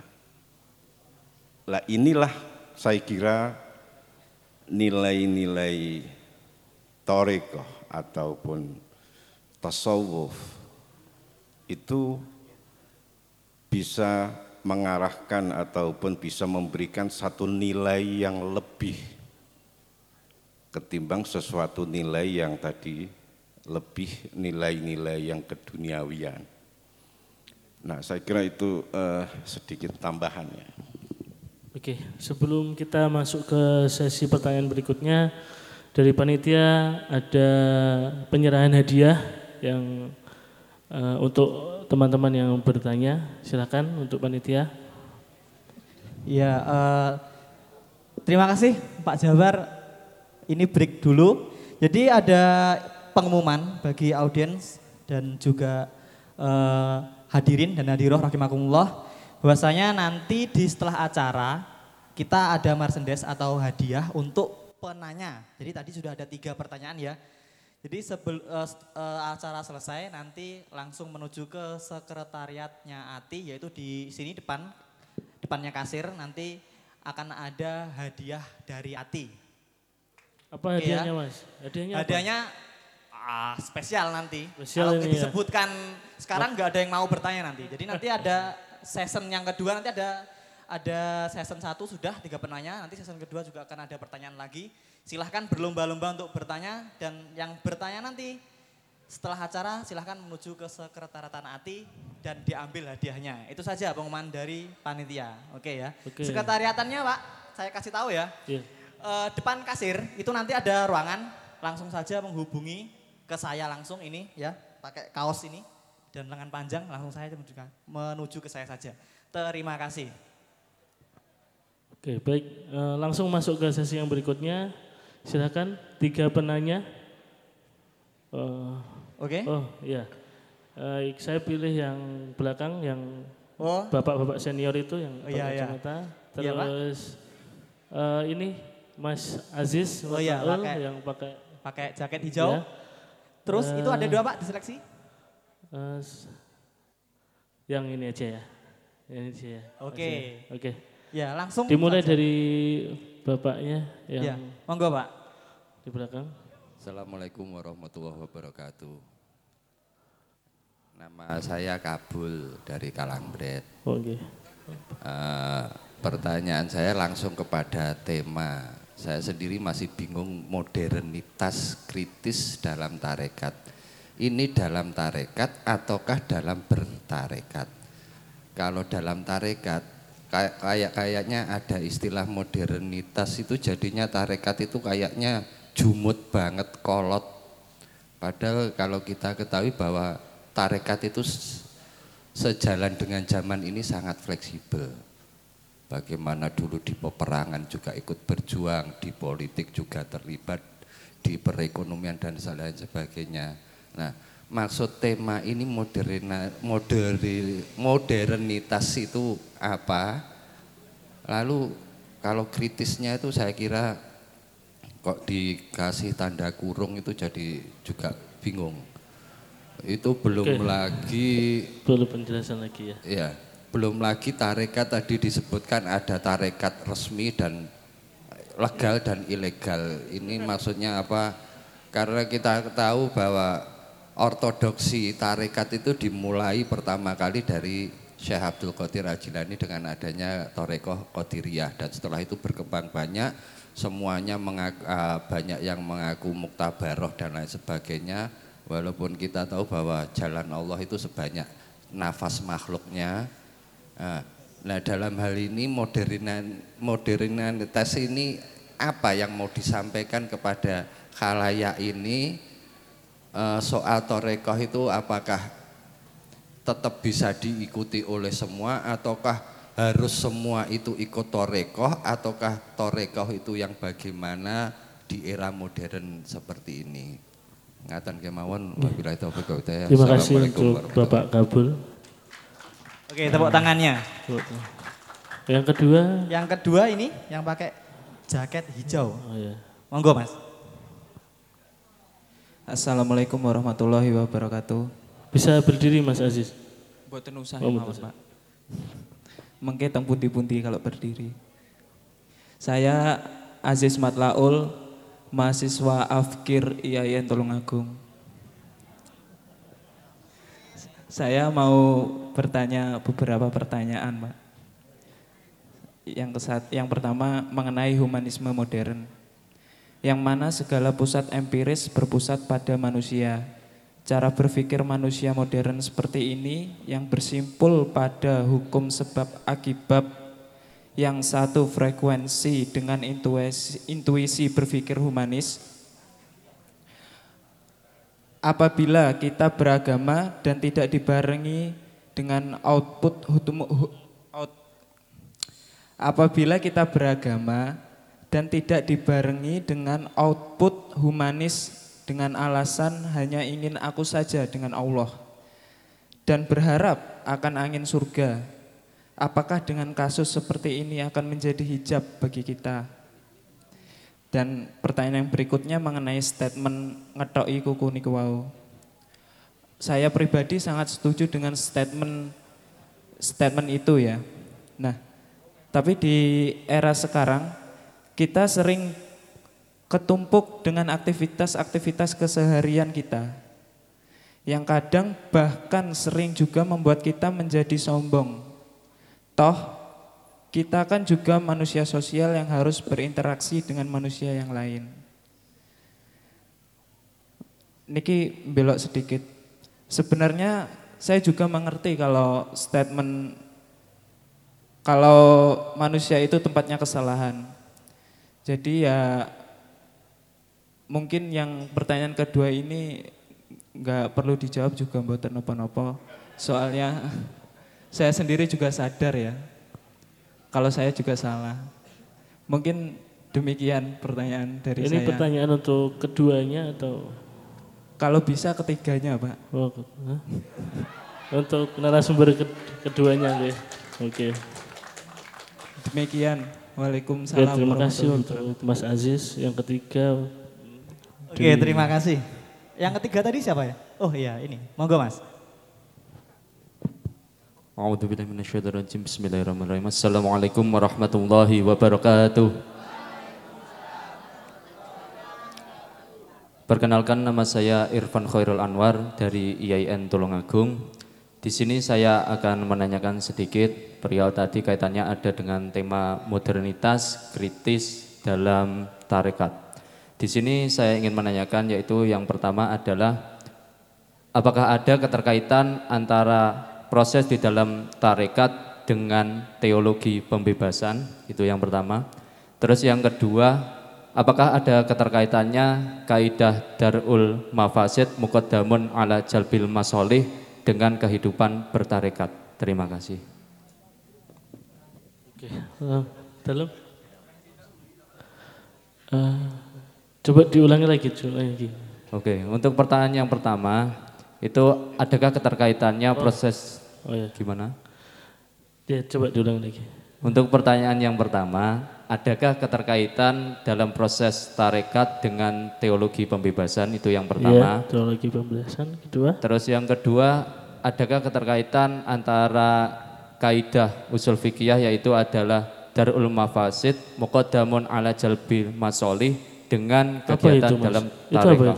Yaitu adalah meninggalkan sesuatu yang bersifat mafsadat dan uh, itu lebih didahulukan daripada mendahulukan perbuatan yang masolih atau maslahat seperti itu. Okay. Terima kasih.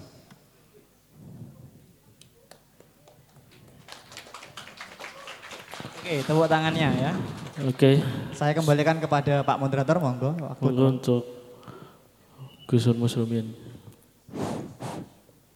Terima kasih kepada Mas Kabul. Jadi tarekat tidak ada yang ilegal ya, semuanya legal. Semuanya legal. Yang satu alamiah.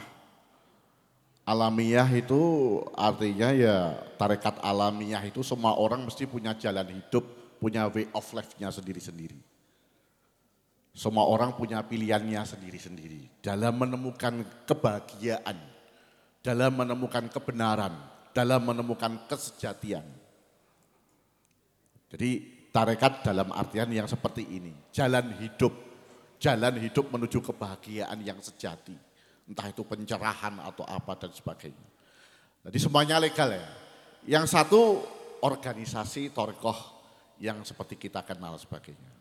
Jadi tidak ada yang ilegal, semuanya legal istilahnya. Semuanya sah.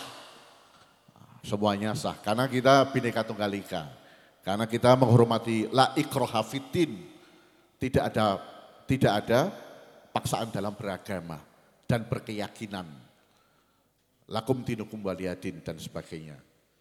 Jadi eh, yang kaitannya dengan tema modernitas di sini itu jadi harus bisa dibedakan antara modernitas, modern, modernisme, dan modernisasi. Gitu. Jadi kalau modernitas ini kita mencoba gampangannya gini wis. Tadi saya sudah menyiratkan uh, istilahnya pohon yang jangan sampai pohon tanpa akar. Jadi modernitas di sini mewakili makrifatul dunia lah bahasanya gitu. Kebaikan di dunia. Robbana atina fit dunia hasanah. Jadi kebaikan di dunia yang kita ambil. Dunia ini tidak semuanya atau perkembangan dunia ini akan terus berkembang. Jadi torekoh itu harus melek donyo, makrifatut dunia juga. Gitu loh. Jadi orang muka syafah, bila dengan muka syafah dunia melek donyo. Kita akan terus, dan tadi sebagaimana Gus Munit mengatakan, jangan eskapis. Jangan melarikan diri dari kenyataan. Tapi kita menghadapi kenyataan ini. Kenyataan di dunia perkembangan. Misal sekarang era digital, era minimal. Kita harus tahu, dulu belum ada. Era digital itu baru sekarang, dulu belum ada. 100 tahun yang lalu juga belum ada. Jadi kita modernitas dalam artian itu tadi. Jadi ati, Robbana atina fit dunia hasanah kebaikan. Kalau modernisme itu modern itu menunjukkan zaman. Modernisme berarti aliran. Modernisasi berarti proyek atau istilahnya progres atau istilahnya ya ya developmental pembangunanisme itu kan gitu. Tapi intinya di sini dicari yang lebih bahasanya yang lebih mendekati karena gandengannya dengan tradisi, tradisi dan modernitas, tradisionalitas dan modernitas sebenarnya begitu mas. Tapi tradisionalitasnya disembunyikan, akhirnya modernitas kritis gitu lah mas. Jadi kritis itu pun berfungsi bukan hanya mengkritisi yang lain, tapi terutama orang tasawuf itu harus mengkritisi diri kita sendiri. Jadi sebelum membebaskan yang lain, membebaskan diri kita sendiri. Jadi jangan sampai kita kayak bahasanya istilahnya belum-belum mengkafirkan orang lain, merasa dirinya paling benar, kemudian mengkafirkan dan menyesatkan dan sebagainya. Nah ini jangan sampai terjadi. Jadi otokritik juga perlu, kritik dan otokritik. Terus dalam hidup begitu. Watawasobil haki, watawasobil hak, watawasobil sober. Nasihat menasihati dalam kebaikan dan kebenaran. Terus secara santun. Karena kita ini berada dalam um, terus nisbi kita itu. Gitu. Kadang kita benar, kadang kita salah.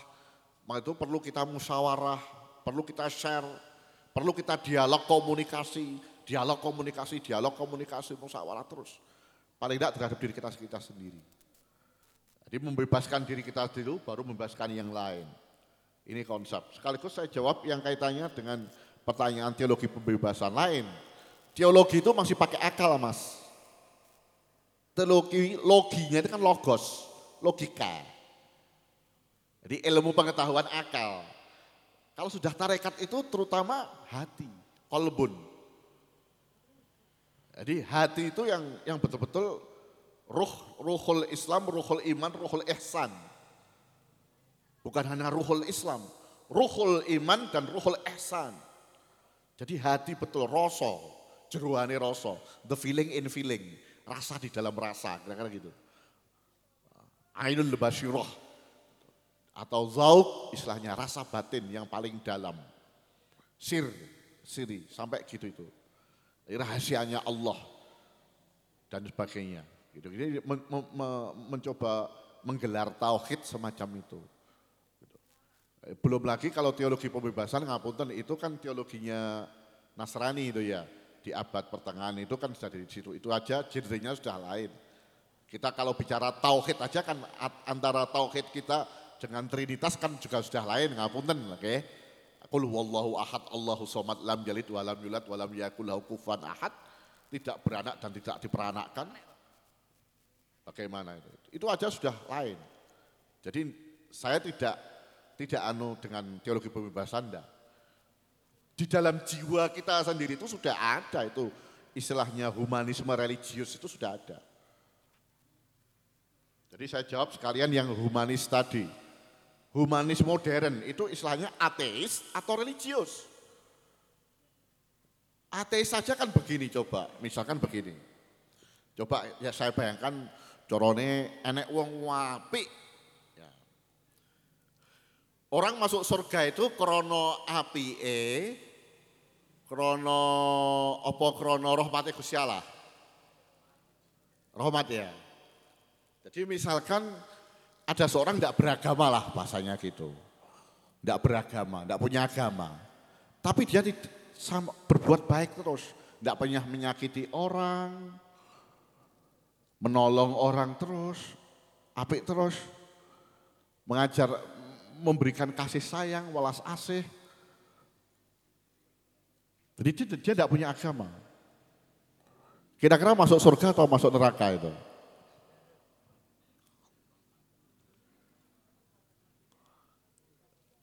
Ini kita bicara humanis. Bagaimana dengan misalkan begini, ada sebuah hadis, nggak tahu ini insya Allah tapi terkenal ya. Seorang pekerja seksualitas, PSK, itu suatu ketika menolong anjing yang kehausan. Anjing itu hampir mati karena kehausan. Kemudian dia kasih air dari sumur dengan uh, sepatunya itu. Sampai kemudian anjing itu bisa bertahan hidup. Besoknya PSK ini meninggal. Dan di dalam hadis diriwayatkan sama Allah langsung dicatat sebagai ahli surga. Padahal pekerjaannya jual tubuh seumur hidup. Hanya karena menolong anjing. Lalu bagaimana kalau dia itu menolong manusia? Ini misteri. Kita diskusi itu aja sebenarnya. Sebenarnya masih banyak diskusi-diskusi yang lain. Tapi temanya terutama humanisme religius atau humanisme Islam. Karena kita semua berislam dan beragama. dalam tanda petik. Jadi artinya begini loh, kalau saya tajamkan lagi, masuk surga itu karena agamanya atau karena rahmat Allah? Atau karena kebaikan? Lah iya, itu kan misterius. Oke. Uh, tadi apa lagi ya? Wijab, apa lagi? Yang belum apa? Saya kira cukup. Uh, saya mau tambahan pertanyaan ini Gus. Tadi menyambut dari menyambung dari Pak Kabul ini uh, apa namanya? Kita kan boleh bertarekat sesuai dengan jalan kebenaran kita masing-masing. Bahkan kita tapi kayak kita tahu bahwasanya di dalam tarekat yang kita kenal dengan Satoriyah, Qadiriyah dan Asambena itu pasti ada mursyid di situ. Nah, jika kita menggunakan akal dan hati kita masing-masing untuk meniti jalan kebenaran dengan pribadi kita tanpa kita berguru apakah itu jalan yang baik atau juga akan sampai kepada Allah? Nah, kalau itu kan kalau dari segi sampai tidak sampai maksudnya itu sampai usul bilah itu maksudnya. Usul bilah atau hanya sekedar mencari surga dan neraka? Surga mawon. Ya, surga mawon ya enggak, enggak, enggak semua orang Islam insya Allah ya semoga mudah-mudahan khusnul khotimah dan ahli surga semuanya. Kalau surga aja kan itu ya. Tapi kalau sampai istilahnya derajat atau istilahnya wusul billah, ma'rifat billah yang saya anggap sebagai tradisi tadi itu barangkali memang kalau tidak melalui e, torekoh yang secara khusus bukan yang umum itu susah masuk tarik aja belum tentu karena memang hakikatnya itu anugerah Allah. Hakikatnya itu. Tapi kan pada faktanya di dalam sejarah sufi itu yang melalui torekoh secara khusus. Jadi bahasa saya bukan legal ilegal, khusus dan umum gitu nggih. sing rodok sing rodok ano alus. Langsung ke Pak Gus menit untuk menyambung.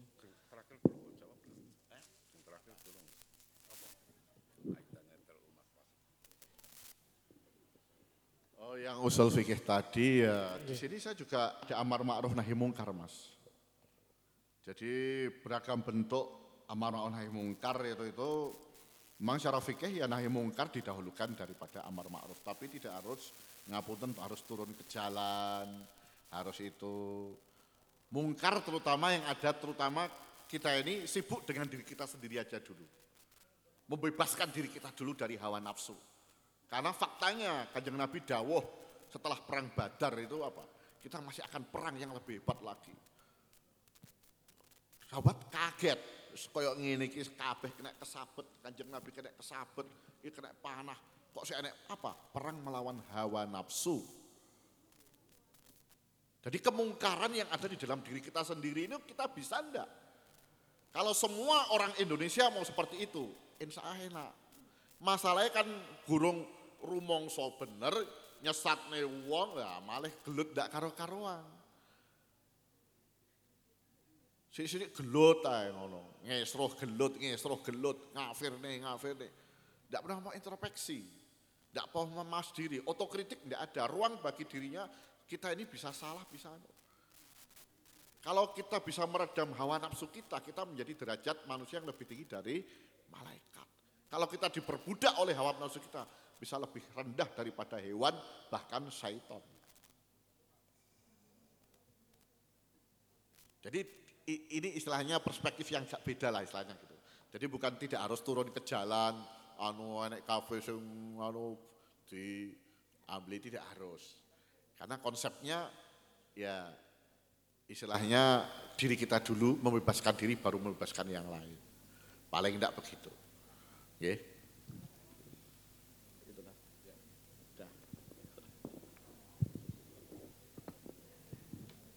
Uh, terima kasih tadi dari Mas Kabul ya. Saya juga bingung ini Mas Kabul. Jadi kalau apa namanya menyangkut satu term istilah-istilah soal modernitas, kritis, soal tarikat dan sebagainya. Tapi saya kira abaikan soal-soal istilah-istilah lah. Nah, tetapi yang paling perlu kita garis bawahi saya kira semua dimensi kehidupan. Kalau saya mengatakan modernitas itu ya kekinian ini. Kemarin itu saya katakan sudah bukan lagi modern modernitas. Satu kesadaran. Kesadaran adanya satu perubahan. Kesadaran adanya sesuatu kemajuan dan lain sebagainya. Itu menyatu eh, menjadi sesuatu yang tidak bisa kita pisahkan dengan apa namanya tata nilai soal torekot, tarekat dan lain sebagainya. Jadi kita nggak bisa hanya saja kadang-kadang kita tidak ada merasakan mana unsur tarekat yang kira-kira bisa kita rasakan dalam uh, kehidupan yang kekinian seperti ini. Kadang-kadang itu bisa kita sadari maupun tidak bisa kita sadari. Tetapi seperti yang dikatakan Gus Hurmus, kalau kita tahu ilmunya, makanya ilmu itu juga beda dengan pengetahuan. Ya. Kalau ilmu itu berbeda dengan pengetahuan, ada kalanya digabung ilmu, pengetahuan. Kalau pengetahuan itu sebatas kita memahami dari sesuatu informasi, memahami dari sebuah referensi, memahami dari sesuatu yang itu pernah kita lihat, pernah atau e, dari satu sumber tertentu. Tapi namanya ilmu itu laku. Jadi ya dirasakan ya dilihat, ya pernah dia mendengar, pernah secara emosional kita terlibat di dalamnya, laku.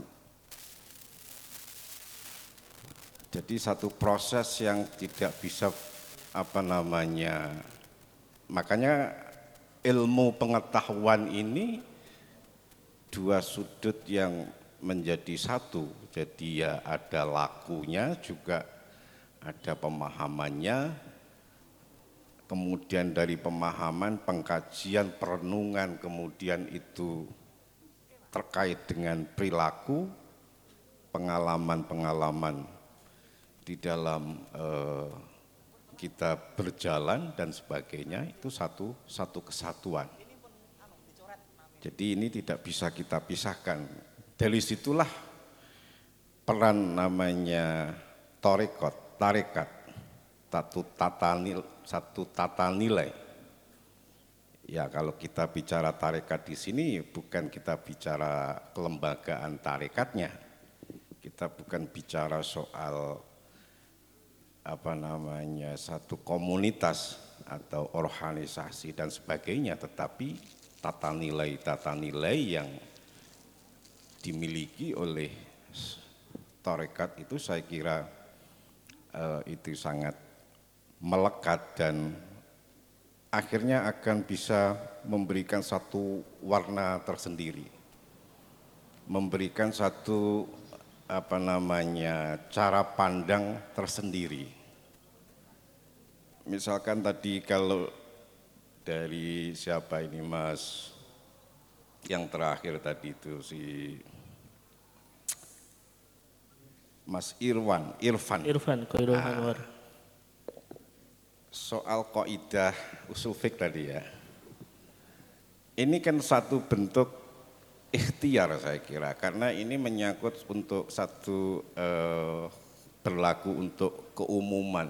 Jadi yang sifatnya umum yang itu bisa diikuti oleh semua masyarakat yang ada, lapisan masyarakat yang terkait yang ada. Tapi ada kalanya itu yang sifatnya pribadi. Tapi saya melihat sebetulnya ini juga bukan satu cara pandang torekoh, tapi hanya cara pandang untuk sebuah ketertiban, karena ini menyangkut kebijakan umum. Kalau saya pribadi melihat bahwa kalau cara pandang torekoh kadang-kadang kerusakan itu penting, perlu. Nah, kerusakan itu memang sesuatu ya ada hikmah. Sesuatu ya perang itu ya penting gitu. Tapi kan namanya ikhtiar-ikhtiar, kewajiban-kewajiban lah ikhtiar loh kita ini ada prestasinya gitu loh. Kenapa ada perang ya ben senjata ini laku, pabrik-pabrik senjata itu laku. Orang yang pengen berjuang itu ya ben ada ikhtiar, ada satu nilai, ada sesuatu yang uh, di situ banyak hal.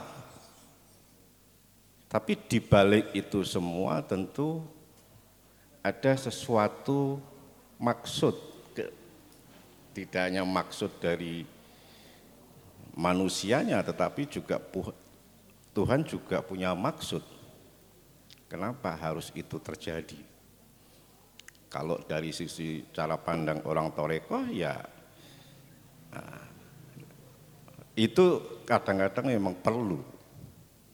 Jadi kalau kerusakan, ibarat gelas yang pecah gitu, ketimbang masih retak itu kan pilih mana? Kalau orang berpikiran yang eh, lebih jauh ketimbang ini retak, dipecah sekalian, jadikan tepung, direkonstruksi ulang, kira-kira begitu tuh. Ibarat rumah itu ketimbang dipandang itu ya retak-retak, ini mau diperbaiki juga berat, mau di ini ya mendingan kalau dibangun baru, dirobohkan, dirusak, direkonstruksi ulang, diredesain, itu akan menjadi sesuatu yang baik. Itu kalau satu sudut pandang. Nah kadang-kadang peristiwa-peristiwa yang kita alami dalam kehidupan sehari-hari itu ada sesuatu yang tadi dikatakan oleh Gus, Gus Urmus tidak cukup hanya dilihat dari sisi akal, tapi dari sisi hati hati yang paling dalam, telenging hati. Telenging teleng hati. Atau apa bahasa ininya apa itu? Ars, ya.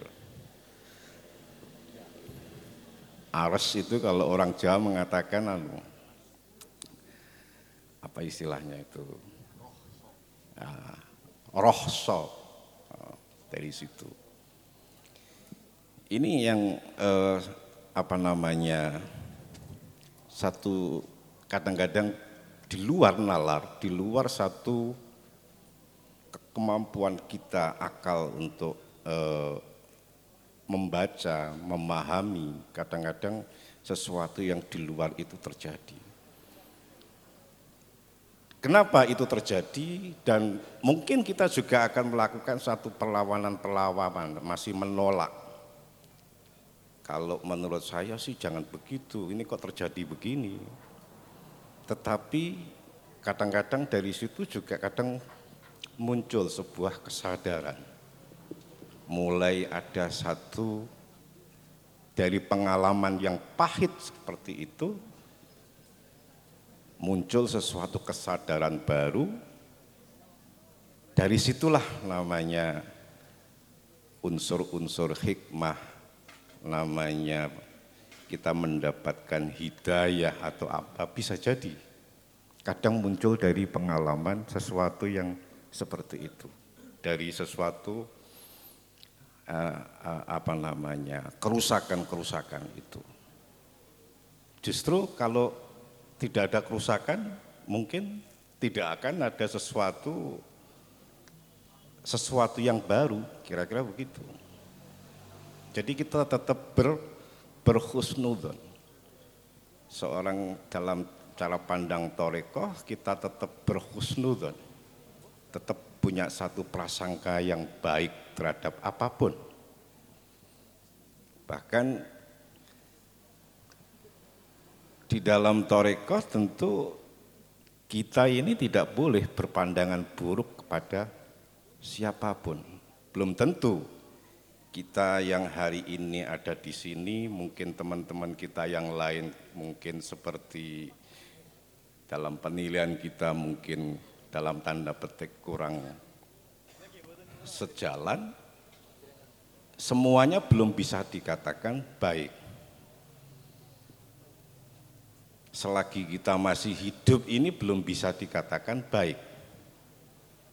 Jangan anggap bahwa oh, tiba-tiba ada banyak kisah-kisah kalau kita baca dalam sejarahnya ini kisah-kisah yang dikatakan dikenal sebagai waliullah di masa akhir hayatnya justru sebaliknya banyak. Jadi sama halnya orang ketika kita masih hidup itu belum bisa dikatakan baik atau buruk. Baru kalau sudah meninggal, mati, nah itu namanya sudah totalan itu ya. Bisa-bisa tutup buku dikatakan baik atau buruk. Jadi kita masih selalu bersifat berhusnudzon, berprasangka baik terhadap apa pun itu. Bahwa di balik itu semua tentu ada maksud-maksud Allah yang mungkin tidak bisa kita ketahui pada hari ini, tetapi mungkin muncul pada suatu saat di kemudian hari yang itu memberikan satu pengalaman-pengalaman memunculkan satu eh, dari pengalaman itu muncul satu kreasi ada ilmu mendapatkan satu sesuatu lah, banyak hal dari situ. Saya kira itu tambahan dari kami. Baik, terima kasih untuk eh, beliau-beliau kedua narasumber. Uh, sampai pada puncak acara uh, sudah kami memohon konklusi dari uh, paparan sudah, sudah, sampun, panitia. Jadi kita minta konklusi dari terakhir dari kedua narasumber. Monggo Gus Rumus untuk terakhir. Monggo. Mungkin dari Gus Munib ada konklusi. Iya. Iya, monggo. Catatan pinggir. Ya ini dari eh, sahabat moderator diminta untuk closingnya ini semacam catatan pinggir aja. Nanti berikutnya akan disampaikan oleh Gus Rumus. Satu saya kira bahwa bertorekoh itu sudah harus menjadi satu bukan lagi kewajiban, tetapi sesuatu yang memberikan ataupun menjadi nafas kita dalam kehidupan sehari-hari. Jadi sudah harus bertorekoh atau dalam pengertian yang luas seperti tadi sudah disinggung bahwa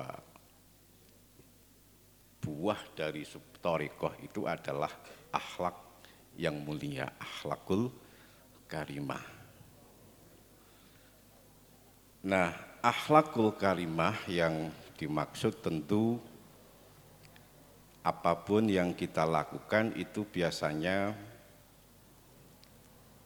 makanya ada istilah amal amal hasanah, ada amal solihah. Lebih utama kalau sebuah amal apa pun itu kita punya gurunya punya guru. Jadi ben nyambung mata rantai amal ini nyambung kepada sampai kepada Rasulullah Sallallahu Alaihi Wasallam.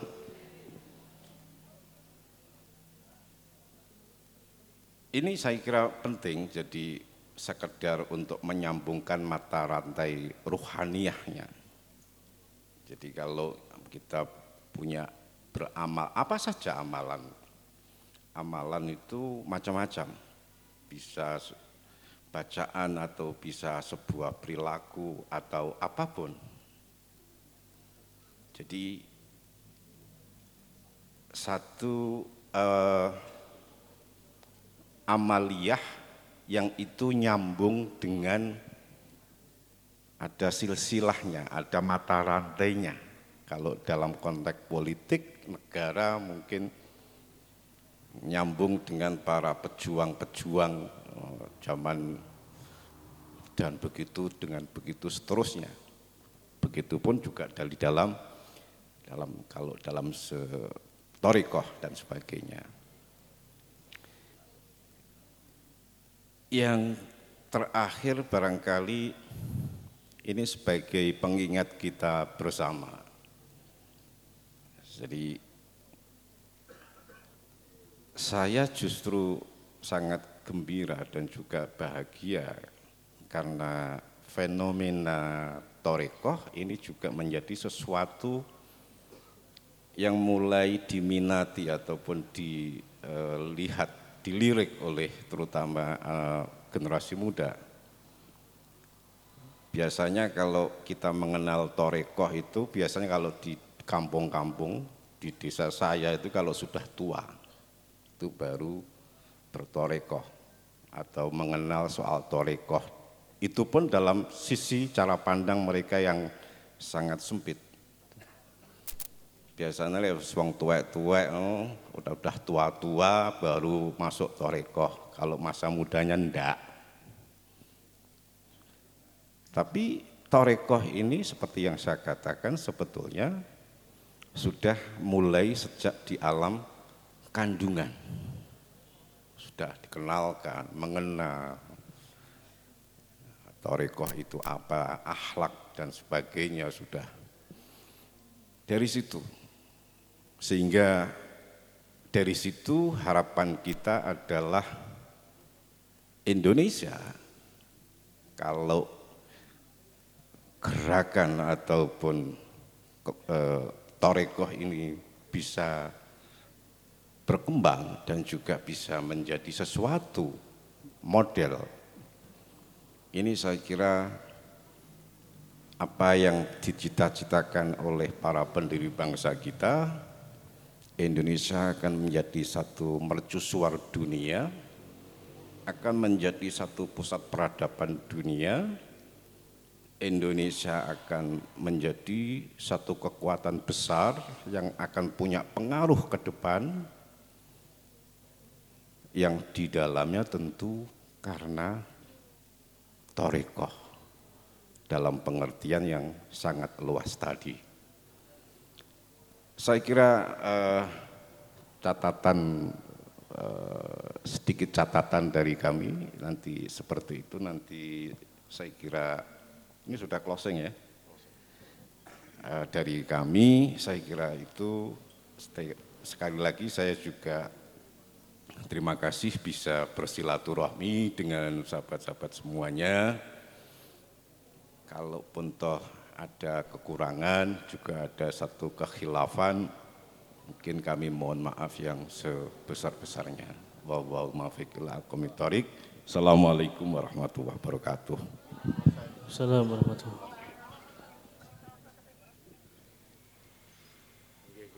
Mungkin itu perwakilan dari closing statement dari kedua narasumber kita. Saya sampaikan terima kasih kepada uh, mahasiswa YN Tulungagung yang sudah hadir, LDNU Tulungagung, BEM YN Tulungagung, dari MAN 3 Blitar, SMKN 1 Danawu, SMK Aswaja Kunir, rekan-rekan perum rumahan Jepun, dan rekan-rekan dari Kediri serta Blitar yang telah ikut hadir. Semoga next event kita bisa hadir kembali dalam acara Discovery Islam Indonesia dari dipersembahkan oleh anak Toreko Indonesia. Terima kasih atas kehadirannya. Kurang lebihnya saya mohon maaf. Assalamualaikum warahmatullahi wabarakatuh. Oke. Okay. Kelupaan untuk penutup doa, monggo untuk Gus Urmus memimpin doa.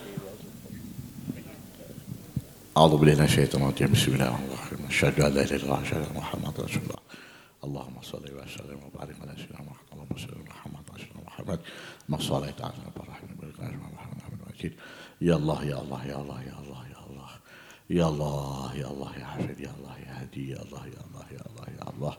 يا الله يا الله يا الله يا الله. اهدنا الصراط المستقيم. اهدنا الصراط المستقيم. اهدنا الصراط المستقيم. صراط الأنبياء والمرسلين. صراط الذين أنعمت عليهم غير المغضوب عليهم ولا الضالين. آمين. ربنا آتنا في الدنيا حسنة وفي الأرض حسنة وقنا عذاب النار وصلى الله عليه وسلم الحمد لله رب العالمين.